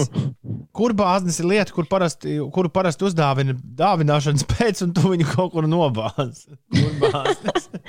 Bet, ja mēs tā labi padomājam, tad mums tā valoda īstenībā ir tik ļoti, ļoti skaista un piemīlīga, un mēs izmantojam visādus anglicismus savā ikdienas sarunu valodā. Nu, jā, Varbūt jāatgriežas. bet, nu, jā pie- bet, bet dažreiz gribas honestly tā visu pateikt. Mm, jā. Lietuviski bruņurupucis ir vēžļis. Viņi ir palaiduši garām labu vārdu. Labrīt, Inčīgs bija pirmais, kas ienāca prātā. Krišjāns raksta par tiem vārdiem. Uh, dodos ar mīļo gati uz darbu, bet viņam šodien liela diena. Jāpasaka vadībai par darba maiņu. Iedrošiniet, ka viss sanāks un vi- viss būs vēl labāk. Skaidrs, ka sanāks. Bet, ā, Zini, kā es pēdējo, re Gati, es pēdējo reizi šo darīju 2013. gadā. Uh, nu, informēju vadību, ka kaut kas savādāk dzīvē būs. Tūlīt būs desmit gadi. apkārt. Es īsti, man liekas, ka tas ir tā kā pie zobārsta vai pie doktora. Tu vienkārši ieej, iedod to atlūgumu un, nu, nu tu, ko tu pat vairāk teikt? Nu, visi, visādi zinātnēji saka, ka Latvija ir tik maza, ka dedzināt tiltus ir ļoti nepareizi. Tāpēc viss pa draugam. Jā, Es nezinu, kā gribu kaut ko jaunu pamēģināt. Bet, nu, pa kādu stūku vairāk var ne- nepamēģināt. Kaut ko jaunu. Nu, tā. Tā, to, to piebilst tādu, nu, tā kā pa jokam izmest var. Uh, labrīt, visiem priecīgu un fēnu dienu. Visiem gusis raksta. Jancīgais vārds ir jupiķis. Nē, jupķis.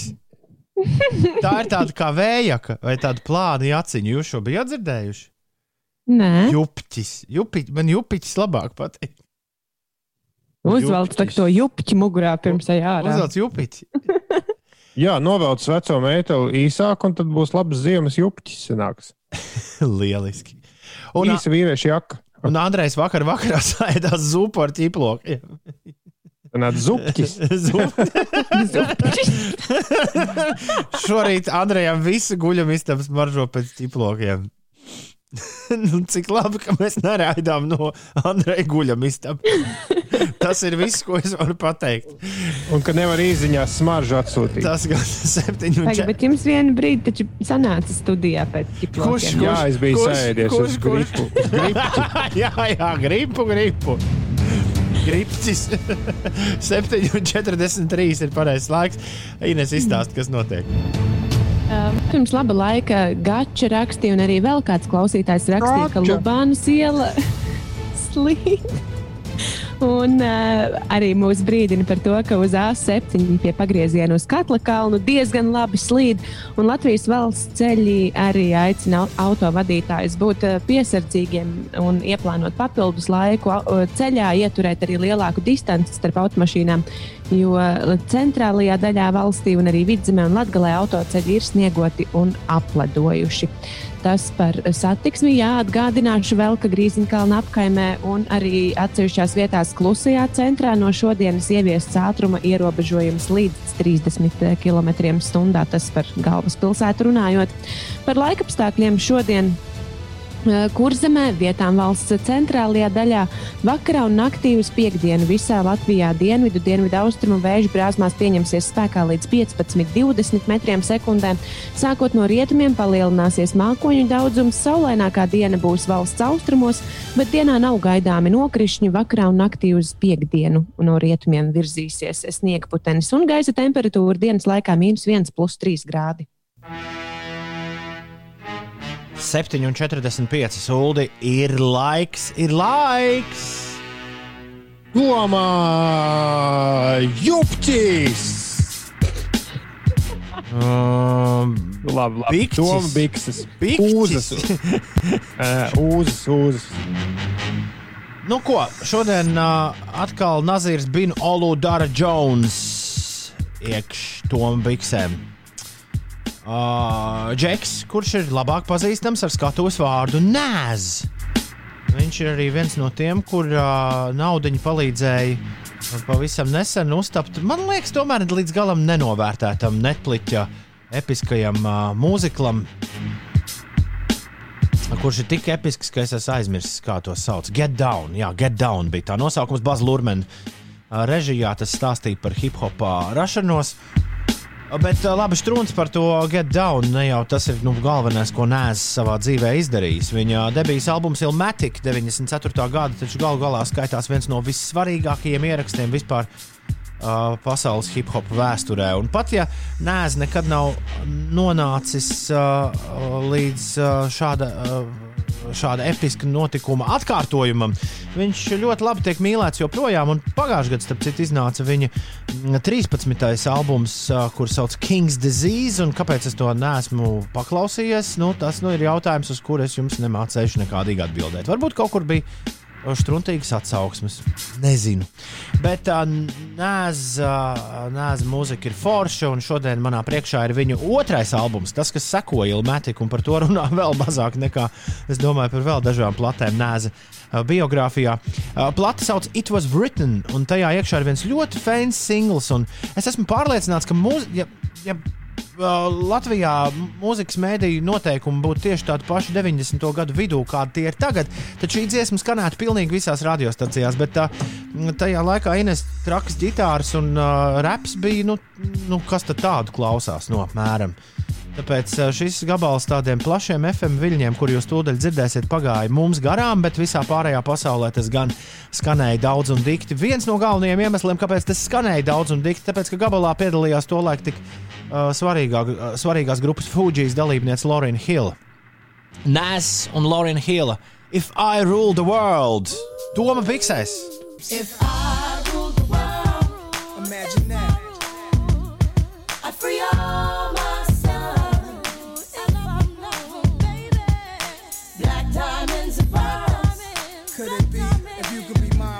shine? If I ruled the world, still living for today in these last days and times. If I ruled the world, Aģents raksta, nē, man patīk.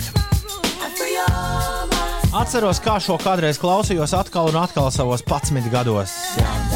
Nu, jā, mūsu platuma grādos Ulu un Inês nāca tāds dumpinieciskums klāt, jo tā kā par radio, norm, un, par radio to nespēlēju, un līdz ar to vecāki domāja, ka normāli cilvēki šādu mūziku neklausās, tad tas skaitījās nu kaut kas baigi dumpiniecisks šito klausīties. Uh, es, uh, mūzikas pētnieks manī saka, ka šis ir uh, vecs, vecs tētiņš dilemmai un, un Empire State of Mind. Uh, tā to sauca. Empire State. Nu, tas ir New York. Jā, jā, jā, jā. Man liekas, ka jā. Jā, Empire State of Mind. Kaut kas līdzīgs. Nē, nu šis ir tā kā kaut kas tāds pats, bet nu, stipri pirms šiem. Mēs esam spēlējuši jau šī ir trešā reize. Pirmais bija New York State of Mind. Tā sauc. Jā, jā, bet, jā, jā, jā, jā, bet uh, Jay-Z un Alicia Keys Empire State of Mind ir kaut kas pilnīgi cits. Jā. Jā, bet mēs esam spēlējuši no Nēs New York State of Mind, un tad mēs esam spēlējuši STA ma Nēs pilsētas skati. jā, jā, jā. jā. Ha, ha, ha. Rubrika Ulas joko. Man tā uzrādījās, meklēju Nēs. Jā, jā, man arī. Jā. Ērglis no Liepājas ezera raksta, labrīt, nosvinēt viena gada jubileju dēlam. Visi augšā un turpinam mīloties ar dzimšanas dienas kūku. Man ir prieks par jums. Vakar aizgāju gulēt kādu stundu ātrāk nekā parasti, raksta Linda. Wow, arī šādi cilvēks var justies. Lai mūža diena visiem. Jā, Linda, man prieks, ka tu jūties brīnišķīgi. Somūlis raksta, ka Somijā ir mīnus 16, bet kas par skaistu saulēktu, skaidrs debesis. Sīkums par augstumu pēc divām ar pus stundām braukšu uz Latviju siltumu lūkoties. Ļoti iespējams, ka tad, kad tu atbrauksi, Ulu, viss sniegs jau būs nokusis. Trešā nakts pavadīta vienai pienenei, vēl tikai četri mēneši tāda, līdz Viktors būs atpakaļ. Un katrs vārds ir jancīgs, ja to pasaka pietiekami daudz reizes. Reizes, reizes, reizes, reizes, reizes. reizes. Labrīt, braucu uz darbu. Prieks skatīties, ka ceļi tiek tīrīti, lai visiem ceļi tīri. Tā raksta. Jā, mums kāds vairāk klausītājs. klausītāji raksta par autoceļiem. Ingūns, kur jautā, vai neviens nesūdzas par ceļiem, Nesauc. par ledus ceļiem. it Nu, kā nē. Daži man privāti rakstīja, ka A7 pie Katla kalna ir slidens. Un mums bija vairāk klausītāji, kas arī teica, ka šķiet, ka Dārts rakstīja, ka uz uh, A8, ja nemal, A5, A8 virzienā uz Rīgu pēc A5 arī ir slidens autoceļš. Nu, ceļu uzturētāji, es domāju, dara visu iespējamo, kas vien viņu spēkos, lai to apstākļus uz autoceļiem uzlabotu. Dārgie ceļu uzturētāji, jūs esat forši. Šis ir raidījums 5 rīta. Vienīgā rīta pārraide Latvijā. Labojiet man, ja es kļūdos, neviens nelabo, nav labojis jau mēnešiem. Bet mēs esam vienīgā parauga pārraide, kur strādā no mājām. Es esmu savā garāžā iekārtojis studiju. Man sauc Toms Grēviņš. Jā, man uh, ir mājā ar labu sildītāju.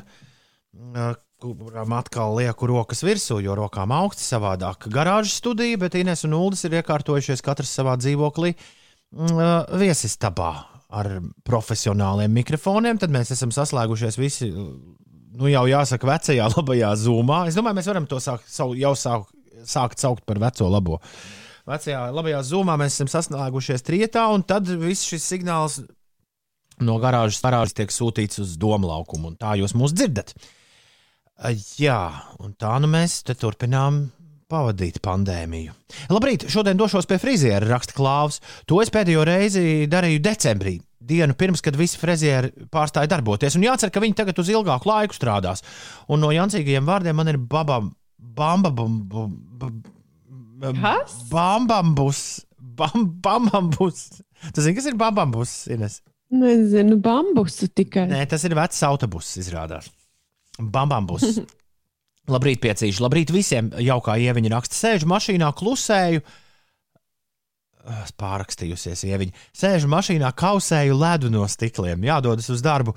Priecīgi, jo pēdējā darba diena šonadēļ - rīt naktsmaiņas darbs. Lai visiem veiksmīga diena un jaukā ieviņa, lai tev viss ir feini. Un Tomam rīt kafija, manam vārdu brālim, brokastis un visa diena priekšā. Būs labi, lai izdevusies diena, braucam prātīgi. Un, uh, jā, es joprojām esmu. Uh, es neliekšos, es joprojām esmu izziņās, kuras pienāca pirms pusstundas, tad, kad bija lielā sasaukšanās. Uh, un tāpēc cilvēki sūta dīvainus vārdus latviešu valodā. Un Toma izziņa ir pretpulksteņa rādītāja virziens, garākais latviešu valodas vārds. Uldis metās izpētīt, vai tie, tā tiešām ir pretpulksteņa rādītāja virziens, vai tas ir visgarākais vārds latviešu valodā.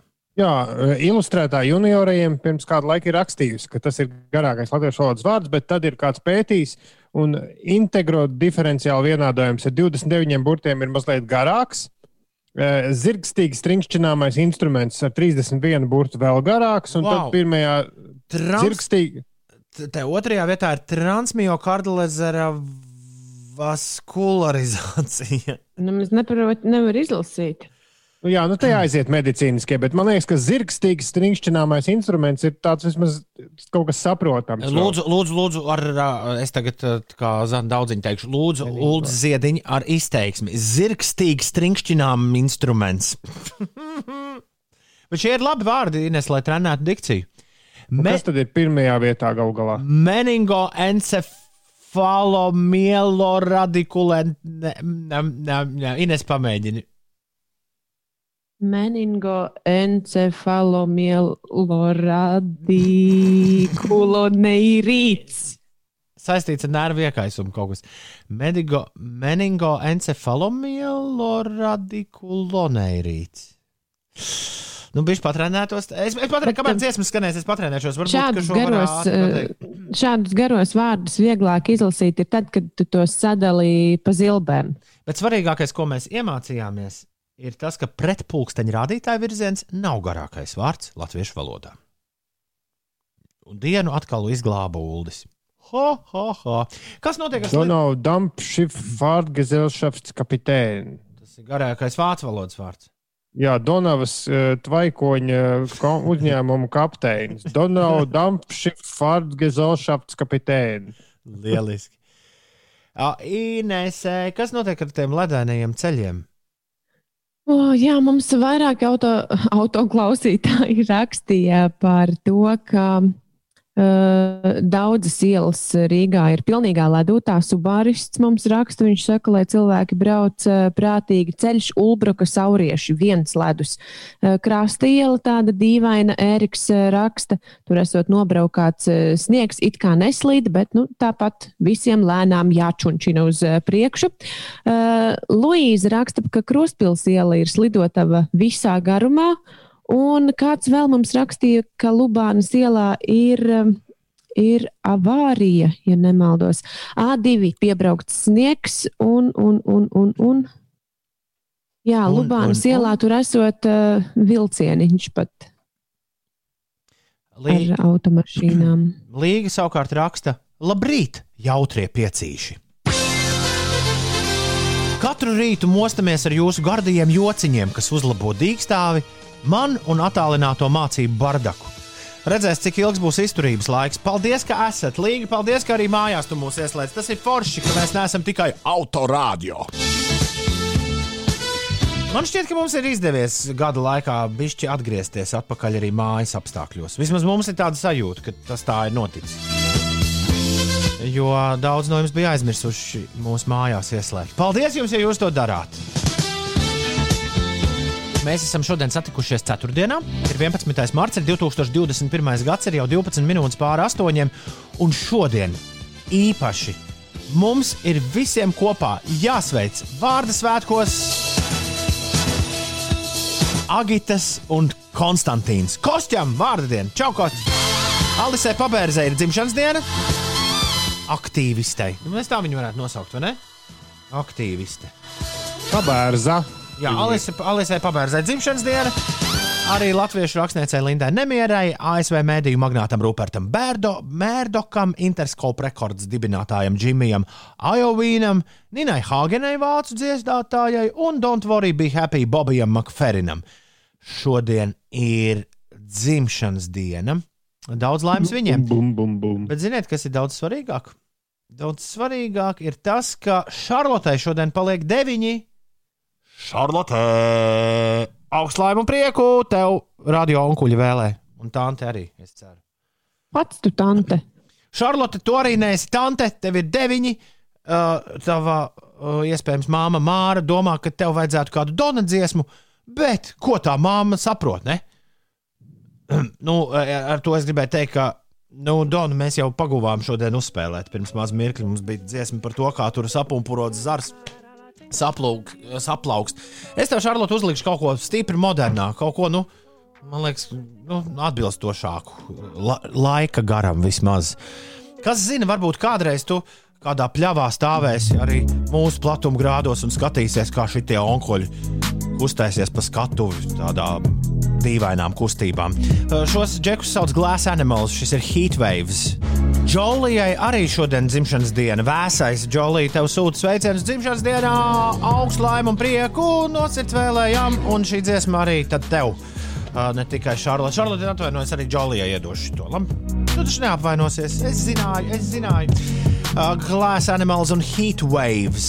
Rīts ir lielisks, raksta vadinieks, jo dāma pamodināja ar gārdu kafiju, un visi prātīgi dodas dod vadinieki. Uh, Lotte prasa, vai mēs zinām, kas ir komervīderi. Esat dzirdējuši šo vārdu kādreiz? Varbūt kā kurš sauc, es, es zinu, ka sauc par komorganu vīderi. Ah, pat tāds ir. Uh, Tā... Vai komeru vīderi. Tas ir uh, gaļas pankūks. Jep, jep, jep. Uh, Kāpēc tās sauc nāc? Jo interesanti, ka Vācijā šādi tās nesauc. Vācijā vispār, ir, Vācijā vispār ir gaļas pankūks. Kāpēc lai nebūtu? Es atceros, kā ar zēnu poru, kad pirmo reizi bijām Vācijā, mums deva. Uh, deva tagad es zinu, ka tie bija uh, kaut kāda veida tortelīni. Nu, itāļu versija par pelmeņiem, tikai viņi viņus nesaldē. Viņiem ir parasti ar svaigo pastu, viņi taisīti. Bet tad bija liels vācu jauniešu izbrīns, ka tad, kad mēs uh, mums iedevām šo ēst, es teicu, o, pelmeņi! Viņa tā, vas? Vas ir tas? Pelmeņi! Bet tur Mēs jau nezinājām tortelīni. Nu, ir pelmeņi, nu, pelmeņi rekur. Bet par komorganu vīderiem ir diezgan interesanti, jo tu, tas ir uh, pārsvarā Latvijas, uh, no Latvijas izceļojošie vā- baltvācu senči, to tā ir aiznesuši pasaulē. Komorganu vīderi. Tāpēc, ka pirmajā dienā ēd gaļas zupu, bet tad otrā dienā cepānkūks. Skaidrs. Tā ir daudz satiksmes ziņas. Subarists raksta, piedrūjas ielā dienvidu tiltu virzienā slidotā un pie krustojuma ar pildas ielu ir vilcieniņš, kurā sadūrušies trīs auto.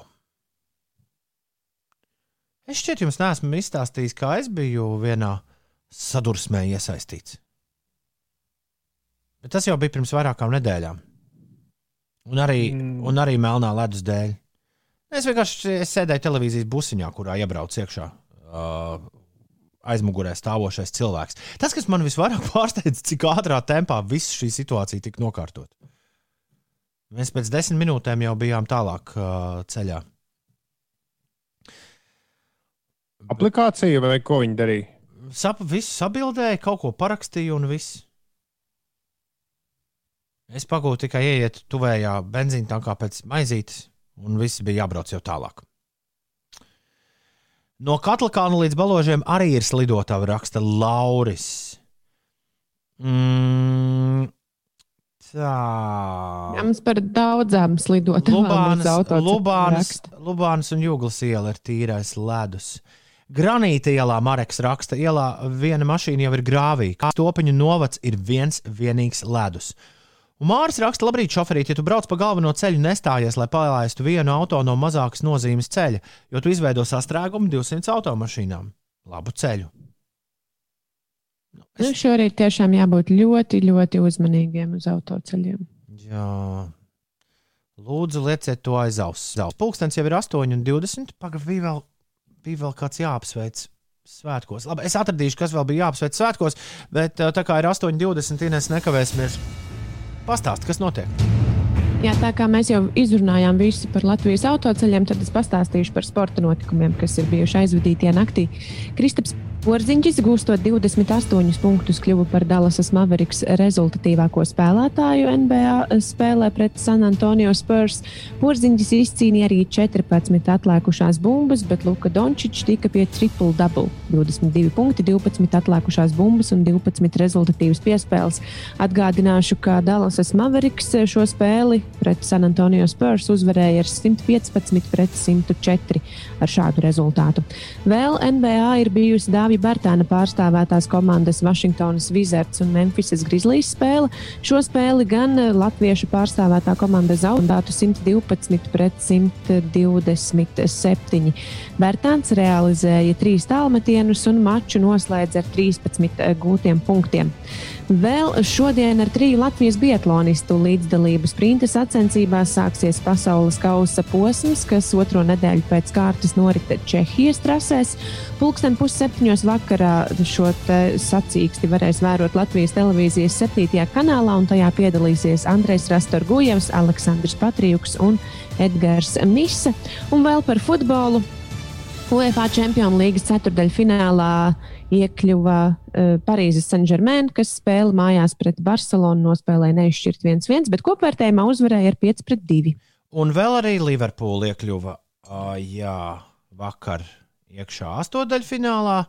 Viņi spēlēja pret Leipzigu, ja nemaldos. Tev noteikti rezultāti ir tuvāki, nespējami. Un uh, Liverpoola vakar vinēja ar 2-0, to es zinu, bet uh, kopvērtējumā tur tas pārsvars daudz lielāks.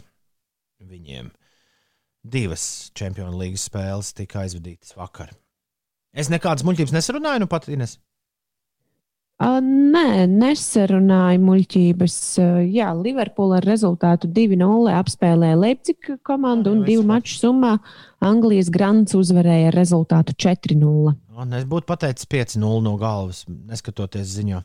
Labi, ka tu esi Ines. Labi, ka tu esi. Labrīt, piecīši rakstīja Jānis, lai šodien visiem labi slīd, cakoju dēlu un laižu uz kalnu baudīt skaistos ziemas priekus, lai jums sniegaina un jauka diena. Lielas paldies! Uldis raksta sveicieni Agitai vārda dienā, kura ir ceļā uz Rīgu. Jauna diena, jaunas iespējas. Lūdzu, šo nekad, nekad neaizmirstiet. Jauna diena, jaunas iespējas, un pats svarīgākais, ka mēs visi jauni un visi kopā. Tas rīt radio, kuru tu klausies, šobrīd ir Latvijas radio 5,5 LV. Šis ir raidījums 5 rīt. Toms Grēviņš, Ines Pučeka un Uldis Ziediņš trijotā jau gadiem sadarbojas šajos viļņos. Un, ja tev pēkšņi netīšām pārslēdzot radiostacijas, ir izdevies pirmo reizi uz mums uztrāpīt, pamēģini uh, netrāpīt nekur vairāk projām. Uh, es pieļauju, ka šo ir viegli klausīties, tāpēc ka uh, visu laiku cilvēki kaut ko runā, tad uh, skan kaut kādas populāras dziesmas, un uh, nav pa vidu nekāda informācija, kas šīs runas vai dziesmas pārtrauktu. Un, uh, jā, uh, neliederīgi uh, tavu laiku sistu nost. Nu, gan tev pašai reklāmas sanāca. jā, jā, jā. jā, jā. Baigā. Klau, uh, mēs te šodien par vecvārdiem, kuros pankūks sauc, runājam. Komerbīders nav vienkārši gaļas pankūks, Rolands tā pikti, bet svarīgi nosaka. Tās ir ar plaušas un sirds pildījumu, nu vismaz manās mājās. Un tas vispār ir vienīgais pareizais pildīto pankūku veids. Es, Roland, gribētu tev piekrist, jo pankūks vienkārši maltu gaļa ir. Nu, tas ir slinki. Bet tās ir izcili. Un, ja tā gaļa ir vecā zupas gaļa, oh. tad, tur, tad tur nevajag nekādas plaušas un, un sirds. Bet, bet tās plaušas un sirds, tā ir tāda bērnības garša plānās pankūks ar tādu pildījumu. Mm, Brem, braukšu ir tas mājās, komu- pasūtīšu mammai. No zupas oh. gaļas jau viņš velk vairāk uz burrito. Nu, labi, labi. Bet pa- pa- pamēģini pupiņus kādreiz pielikt klāt gaļas pankūku pildījumam. Ko? Nu, galīgi noteikti garšos pa pirmo. Kāpēc? Nu, kāpēc ne? Bet vai jums buļļons ir obligāti sastāvdaļa? Kur? Klāt Ko padzert klāt? pie pankokām, jā. Nē. Nē, buļļons ir obligāti sastāvdaļa pie gaļas pončikiem. Es atceros, bērnībā gaļas pankoks vienmēr bija komplektā ar buļļonu. Kas ir gaļas pončiki? Tu neesi ēdis gaļas pončikus? Nu, mīklas bumbiņas, kur pa vidu iekšā ir gaļa. Mm, Es arī neesmu ēdis gaļas pančikus. Nu, tāda ir, es zinu, uh, Itālijā, bet uh, tos taisa no vakardienas risoto, un tur to gaļu liek starp rīsiem. Un tad to Ko? nofritējā. Tas ir gardi. Bet gaļas pončiki. Uldi, tu gribi teikt, ka tu arī nesēdi tādus? Nē, Tas ir Man kaut kāds bauskas ēdiens, izrādās. Nav gan. Es ceru, ka vismaz kāds no klausītājiem ir ēdis. Vai mājās taisīs. Nu, rauga, mīkla un iekšā Nu, kā- ir gaļa vai biespiens vai ievārījums. tādi kā mazi belašiņi. Nu, to tā arī varētu nosaukt. Jā. Nu, eļļā fritēti. Ja? Nu, Egon- jā, Egons jā. saka, ka mēs nu pat zaudējām vegānu auditoriju. Nē, viņi, viņi, viņi Nē, nebūtu, mēs nebūtu, esam. nē. Viņi pat, Tā viņi, ir dien, mums, eh, mūsu chatiņā rakstīja, mēs esam fleksitārieši. Par to mēs neesam runājuši. Es zināju, ka ir kāda tēma, par ko mēs neesam, neesam vēl papļāpājuši. Jo izrādās, Inês ir fleksitārieta, un viss tā fleksēšana tas nav tāpat vien mūzikā, kā izrādās. Uh, jā, e- es šo jēdzienu esmu dzirdējis pavisam ļoti nesen, ka ir tādi cilvēki, fleksitārieši. un Tas Zilo nozīmē, ka zonu diēta. Es nezinu, ko īsti tas nozīmē, bet, uh, bet fleksitārieši ir tie cilvēki, kuri it kā ikdienā gaļu nēd, bet tā pašā laikā gaļu ēd tikai nu, ne, ne, tik bieži un, un ēd tikai, uh, kā lai saka, lai nodrošinātu sev tos svarīgos, lai nodrošinātu sevi ar svarīgajām uzturvielām. Um, Nu, nevis tā prieka pēc. Es tā saprotu šo. hmm. Var sakot, ēd visu kaut ko. Ja? Bet nu, domā ar Jā, galvu, bet katru domā, dienu. un domā ar galvu, ko ēd. Tas man liekas, ir tas svarīgākais. Gaļas ziņā, jā. Elastīgi veģetāri. Ļoti daudz piemin tās zilās zonas. Vai jūs zināt, kas ir zilās Nē. Nē, zonas? es nezinu, kas ir zilā zona. Zilās zonas ir vietas pasaulē, kur ir vislielākā simtgadnieku koncentrācija. Tādas ir piecas šobrīd. Uh, Okinava, Japānā, Li Loma Linda, Kalifornijā, Sardīnija, Itālijā, Nikoja, Kostarikā un Nikārija, Grieķijā. Tātad tās Jā. ir vietas, kur ir riktīgi cilvēki ilgi dzīvo. Un Un tad tur ir visādi gudri ļaudis. Ko tad? Un viņi ir fleksitārieši. Tā sanāk, jā. Klau, klau, klau. Bet es, piemēram, zinu vienu, vienu vegānu, kurš katru svētdienu šmaucis. Bet tā nav šmaukšanās. Viņš ir fle, uh, elastīgs. Ah, ok. Un par laimi es gaļu Ir ēdu mums tikai daži svētdienās. klausīt, nu jā, apmēram, vai arī, piemēram, Jāņos šašliku tikai ēd. Par laimi mums ir daži klausītāji, kas ir ēduši gaļas pončikus. Jaunajā, Paldies jums! jaunajā gadā austeres un Jāņos šašlikus. Un pārējo gadu gan. Otrā ir raksta, ka nevajag šo tēmu šodien. Labi, bet pagai, man interesēja, re, kur īsiņās rakstīja mm, Dainis. Piecīši, lūdzu, taisiet preses apskatus kā vakar. Tā izsmējies, kā vakar sen nebija. Tu, tu esi pārliecināts, Dainis, ka tu mūs klausījies. À, viņš par vakcinācijas avīzi. Mēs nevaram taisīt preses apskatus, tāpēc, ka mums, presi, nu, mums pat doma laukumā bija problēmas ar preses piegādi. Bet šeit, tagad, esot attālināti ēterā, tas izklausās vispār pēc mūrga. Nu, tik pie labās preses, es domāju.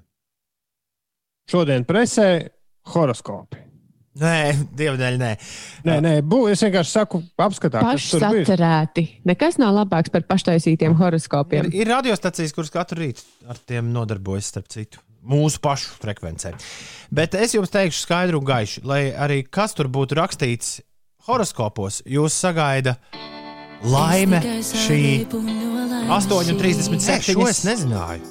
Kā Ai, tagad uzdzied dāmas. versiju šai dziesmai. Uh, mājās te kompaktdiskus uh, virpinot, uh, es netīšām uzliku nevis to dziesmu, kur dzied visas dāmas kopā, kur būs, kuru mēs tūlīt noklausīsimies. Tad Aija Andrēja, Agnēs Rakovska un Kristīna Pārša, bet Aija ir iedziedājusi šo arī solo versijā. Kas pa viltīgu gājienu mūsdienu straumēšanas laikmetā? Ja mūsu klausās Agnēs un Kristīna, viņām arī ar steigu vajadzētu savu versiju uztaisīt. Jā, Gulda, kāpēc tu murmini kā maziņš burunduks?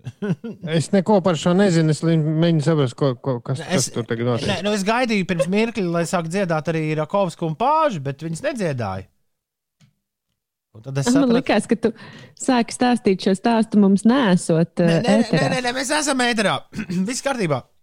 Vienkārši es netīšām uzliku neīsto versiju. Jo mūzikas redaktors man ir skaidru un gaišu piekodinājis, ka ap 8.30 man šodien jāspēlē ir versija, kur dzied visas trīs dāmas kopā. Aija Andrēja, Agnēs Rakovska un Kristīna Pāža. Laima šī 5 LV ēterā. Celies augšā!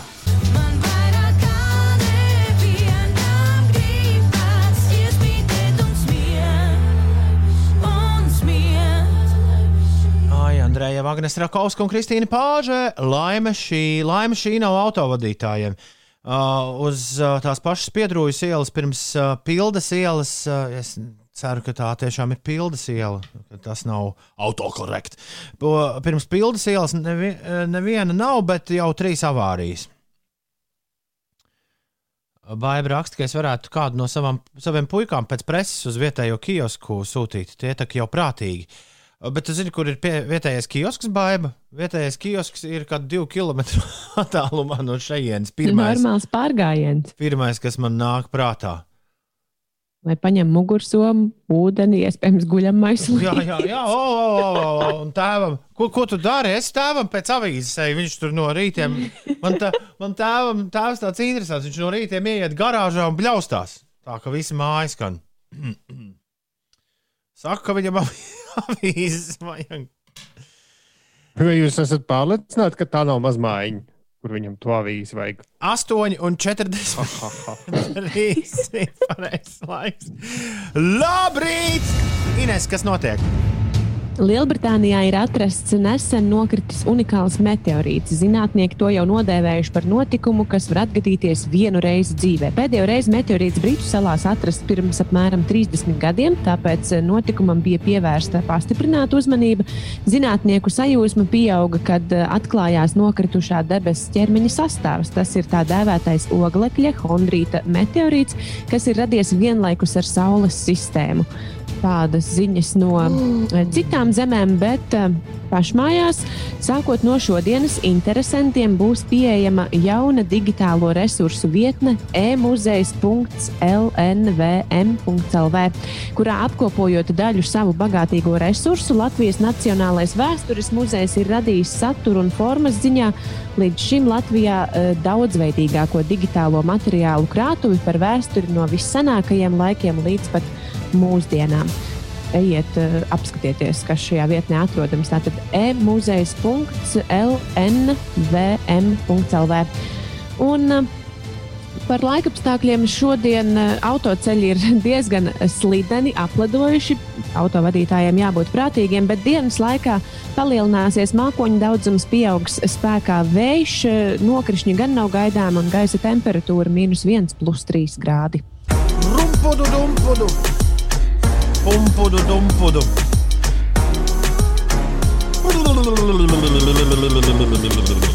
Žārai gaļi, latgalīšu reps. Nākamā nedēļa mums būs varena nedēļa. Varena nedēļa, nākamā nedēļa Oskara nominācijas, nākamā nedēļa Zebrenē jauna dziesma ar kādu slavenu uh, viesvokālistu. Nākamā nedēļa mums būs, uh, patiesībā jau šonadēļ, bet uh, mums uh, pieejama no pirmdienas rīta būs arī Latvijas oficiālā eirodziesma. Dziesma, kas pārstāvēs Latviju Eirovīzijā. Un nākamā ceturtdiena, 18. martā, mēs spēlēsim jauno latviešu repa albumu no A līdz Z šajā raidījumā. Jo latviešu reps ir uh, uztaisījuši jaunu albumu, un, uh, un, un, un uh, jā, mēs visi kopā to Tas gan ir dzirdēsim. forši. To mēs visi dzirdēsim pirms citiem, jo tas, nenā, tas nāk klajā nevis nākamā ceturtdiena, bet nākamā piekdiena. un Tas būs absolūti ekskluzīvs pirmatskaņojums Latvijas Rādio 5,5 LV ēterā. Tā kā arī nākamā nedēļa vērts palikt kopā ar mums darba dienās starp 6 un 9. Jā, 8,53 ir pareizs laiks. Labrīt! Tūlīt būs jau 9.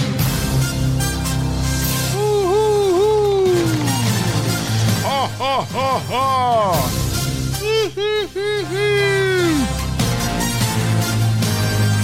vairs atliek tikai viens, viens vienīgs interesantums. Dāmas un kungi, interesantās ziņas. Zoom, Meet, Hangouts un cita veida video zvani un sapulces ir kļuvušas par mūsu ikdienu. Tādā veidā mēs pulcējamies, ballējamies, mācāmies un ko tik vēl nedarām. Taču tas nav viegli, un Zoom fatigue, jeb Zoom nogurums, jau ir arī kļuvis par plaši pazīstamu terminu. Tagad eh, zinātnieki no Stanfordas Universitātes ir noskaidrojuši vēl vienu iemeslu, kāpēc šādas video pulcēšanās rada nogurumu un stresu. Pavisam svaigā pētījumā, kas ir publicēts pirms pāris nedēļām, ir noskaidrots, ka lēģu sejas tūplānā pa visu ekrānu radot cilvēkos fight or flight refleksu. Vai nu cīnies, vai beidz. Kas? Kāpēc? Bet redz, mēs, mēs vismaz negrēkojam nu, šajā ziņā. Jā, mēs esam tālu. Jā, mums visiem proporcionāli tās sejas ekrānā nu, nav tā, ka pa visu ekrānu. Labi, bet eh, klausies, kāpēc Ines. Smadzenes pievērš īpašu uzmanību sejām, un, kad redzam tās lielas, smadzenes automātiski pieņem, ka seja atrodas tuvu, un tad sāk darboties kaujies vai laidies lapās instinkts. Vispār, ja skatāmies no evolūcijas skatu punkta, liela seja tūplānā, kas skatās tev acīs, nozīmē tikai divus scenārijus. Vai nu ir konflikts, vai pārošanās. Neviens no šiem variantiem nav īsti piemērots darba videi. Tā stāsta Jeremijs Bailensons, Stanford Universitātes Virtual Human Interaction Lab vadītājs, kurš beigās retoriski vaicā, vai tiešām katrai sapulcē jābūt Zoom zvanā? Man liekas, ka šis Nē, izskaidrs. tās varētu būt riepas. Man liekas, ka jums kaut kas nebija skaidrs par pieciem rītiem aizvadīto, aizvadītā gada laikā. Tad šis ļoti labi izskaidro, man liekas, daudz, daudz ko. Uh, paldies, Ulu, par šo ziņu. Zoom Fight or flight. Uh, Fight or flight. Kā izglābt savu mīļāko restorānu no bankrota? Tas tiešām vēl ir iespējams. Šādu jautājumu noteikti pēdējā gada laikā sev ir uzdevis neviens viengardēdis, un daudzi ir atraduši veidus, kā palīdzēt. Nu, piemēram, man ir čoms Briselē, kurš ir sapircies uh, savā mīļākajā krodziņā dāvanu kartes. Man liekas, viņš, kā, uz priekšdienām. viņš katru mēnesi pērk dāvanu kartes. Tad, Jā, man liekas, ka tu arī tur kaut ko sūtīji brīvdienās speciāli. Bet- nu, varbūt, ka Jā, bet- atbalsta kā var. Jā, es arī pasūtu vietējā, no vietējā krodziņa ēdienu. Bet, zini, kas dīvaini? Es domāju par tām dāvanu kartēm. Ja es tā būtu darījis kopš pandēmijas sākās un teiksim, reizes mēnesī nopirktu krodziņu dāvanu karti, piemēram, 30 vai 40 eiro vērtībā, tad kā tam krodziņam atgriežoties atpakaļ, kā viņam ietu, ka es tur pāris gadus staigātu un neko nemaksātu, bet tikai dāvanu kartes mētātu. Bet kāds kungs Kā tu ASV jau maksātu? Nu, nav, ka tu nemaksā. Nu, tas, kāds kungs ASV ir atradis viņa prāt visjēdzīgāko veidu, kā palīdzēt savam iecienītajam meksikāņu restorānam Los Toros, kam draudējis bankrots. Viņš ir novietojis pie restorāna milzu baļu ar pupiņu mērci. Un terpies tēkraklā un kauboja cepurē, iesēdies minētajā baļā uz 24 stundām, vienlaikus tiekot pie tetovējuma, kurā attēlots restorāna logo. 1967. gadā restorāna saimnieks ļoti Dibinātā, ai, atvainojies. Ja, 1967. gadā dibinātā restorāna saimnieks esot bijis ļoti pārsteigts par šādu soli, taču pats mērcē sēdētājs bijis pārliecināts par šī soļa nepieciešamību tik ļoti, ka solījies nepamest bāļu arī tad, kad savajadzēsies pa vajadzībām. Esmu parūpējies par to, lai tad, kad man vajadzēs numur viens, viss nonāktu speciālā maisiņā. Ko darīt, kad savajadzēsies numur divi? Nezinu. Ja pienāks tāds brīdis, tad domāšu. Pirms sēšanās pupiņās Uh, uh, baļā sēdētājs šādi stāstījis, kas, kā izrādās, ikdienās, ikdienā ir kaskadieris. Viņš. Bet pagaidiet, tā, tā viņa doma bija, ka viņš vienkārši pievērs uzmanību restorānam, sēžot iekšā pupiņās. Jā, jā bija, viņam bija cepura, un viņam bija sejas maska, restorāna logo. Un skaidrs, ka ziņu, ziņu cilvēkiem šis ir saldējs ēdiens. un Viņš visu laiku tur tajās ziņās to logo rādīja. Galvā sēdēja pie restorāna. Kas notika ar viņa ādu, ja vannā jau ieejot pēc, nezinu, 20 minūtēm sēdot ūdenī, tev sačervelējās pirksti? Kas notika pēc 24 stundām Nu, tāpēc viņš ir kaskadieris. Un, ja mums kāds kaskadieris dzird, tad uh, mēs pateiksim, Viņš kur būs ir uzblīdis. sirmējam tā zupiņu restorāns, var iet sēdēt zupā diennakti. Jā. Nu, un tas arī viss. Arī viss. Olfolks. Tas arī šorīt interesantajās ziņās viss. Uh, Jūlijas raksta, nu, re, sākās laiks, kad es darbu, sākas laiks, kad es darbus beidzu jau pirms jums. Es apsveicu, ja kāds tiešām pirms mums jau paspējis savai darba dienai pielikt punktu. Uh, nu, malači, es pat nezinu, ko citu teikt. Malači, malači, malači. Tad jau visu ceturtdienu var gurķoties. Es galīgi nevaru gurķoties. Es pieļauju, ka Ulim arī gurķošanās daudzums šodien tāds mazāks. Meklējuši tos gaļas pančikus. Vismaz gaļas pankūks būtu laba lieta šodien. Man liekas, tas neiet kopā. Gaļas ponči kritīgi neiet kopā ar to, ko tu dari tagad līdz Ah, lieldienām. jā, pareizi. Man taču tas gavēnis. Jā. Bet pēc lieldienām. Mm, Redzējāt, ko Tārzans, mūsu draugs Gustavs, bija vakar ierakstījis? Es jau neesmu arī sociālos tīklos. Ah, pareizi. neko. Pareizi, pareizi. Tu ne... Bet kā ir Ulu? Ir forša dzīve, vai ne? Nu, es reizēm ēteru laikā kaut ko skatos, jo es te jubilārus meklēju, un tad es kaut ko redzu. Bet vispār baigi mierīgi. Nu, tas ētera laikā, bet es eh, atklāju ļoti labu teikumu saistībā ar šo. Prusaks bija Twitterī ierakstījis, ka, nu, ja viņš nedzīvojās pa Twitter un neko neraksta, tas nozīmē, ka viņš eh, visu kaut ko dara reālajā dzīvē. Un tā patiešām ir. Pasivitāte sociālajos tīklos nozīmē aktivitāti realitātē. Un paskat, arī tā izrādās var. Tā var dzīvot, dāmas un kungi. Un mēs Bet tā arī pateica turpināsim Tarzans? dzīvot. Paldies visiem, kas šodien mūs rīt. klausījās.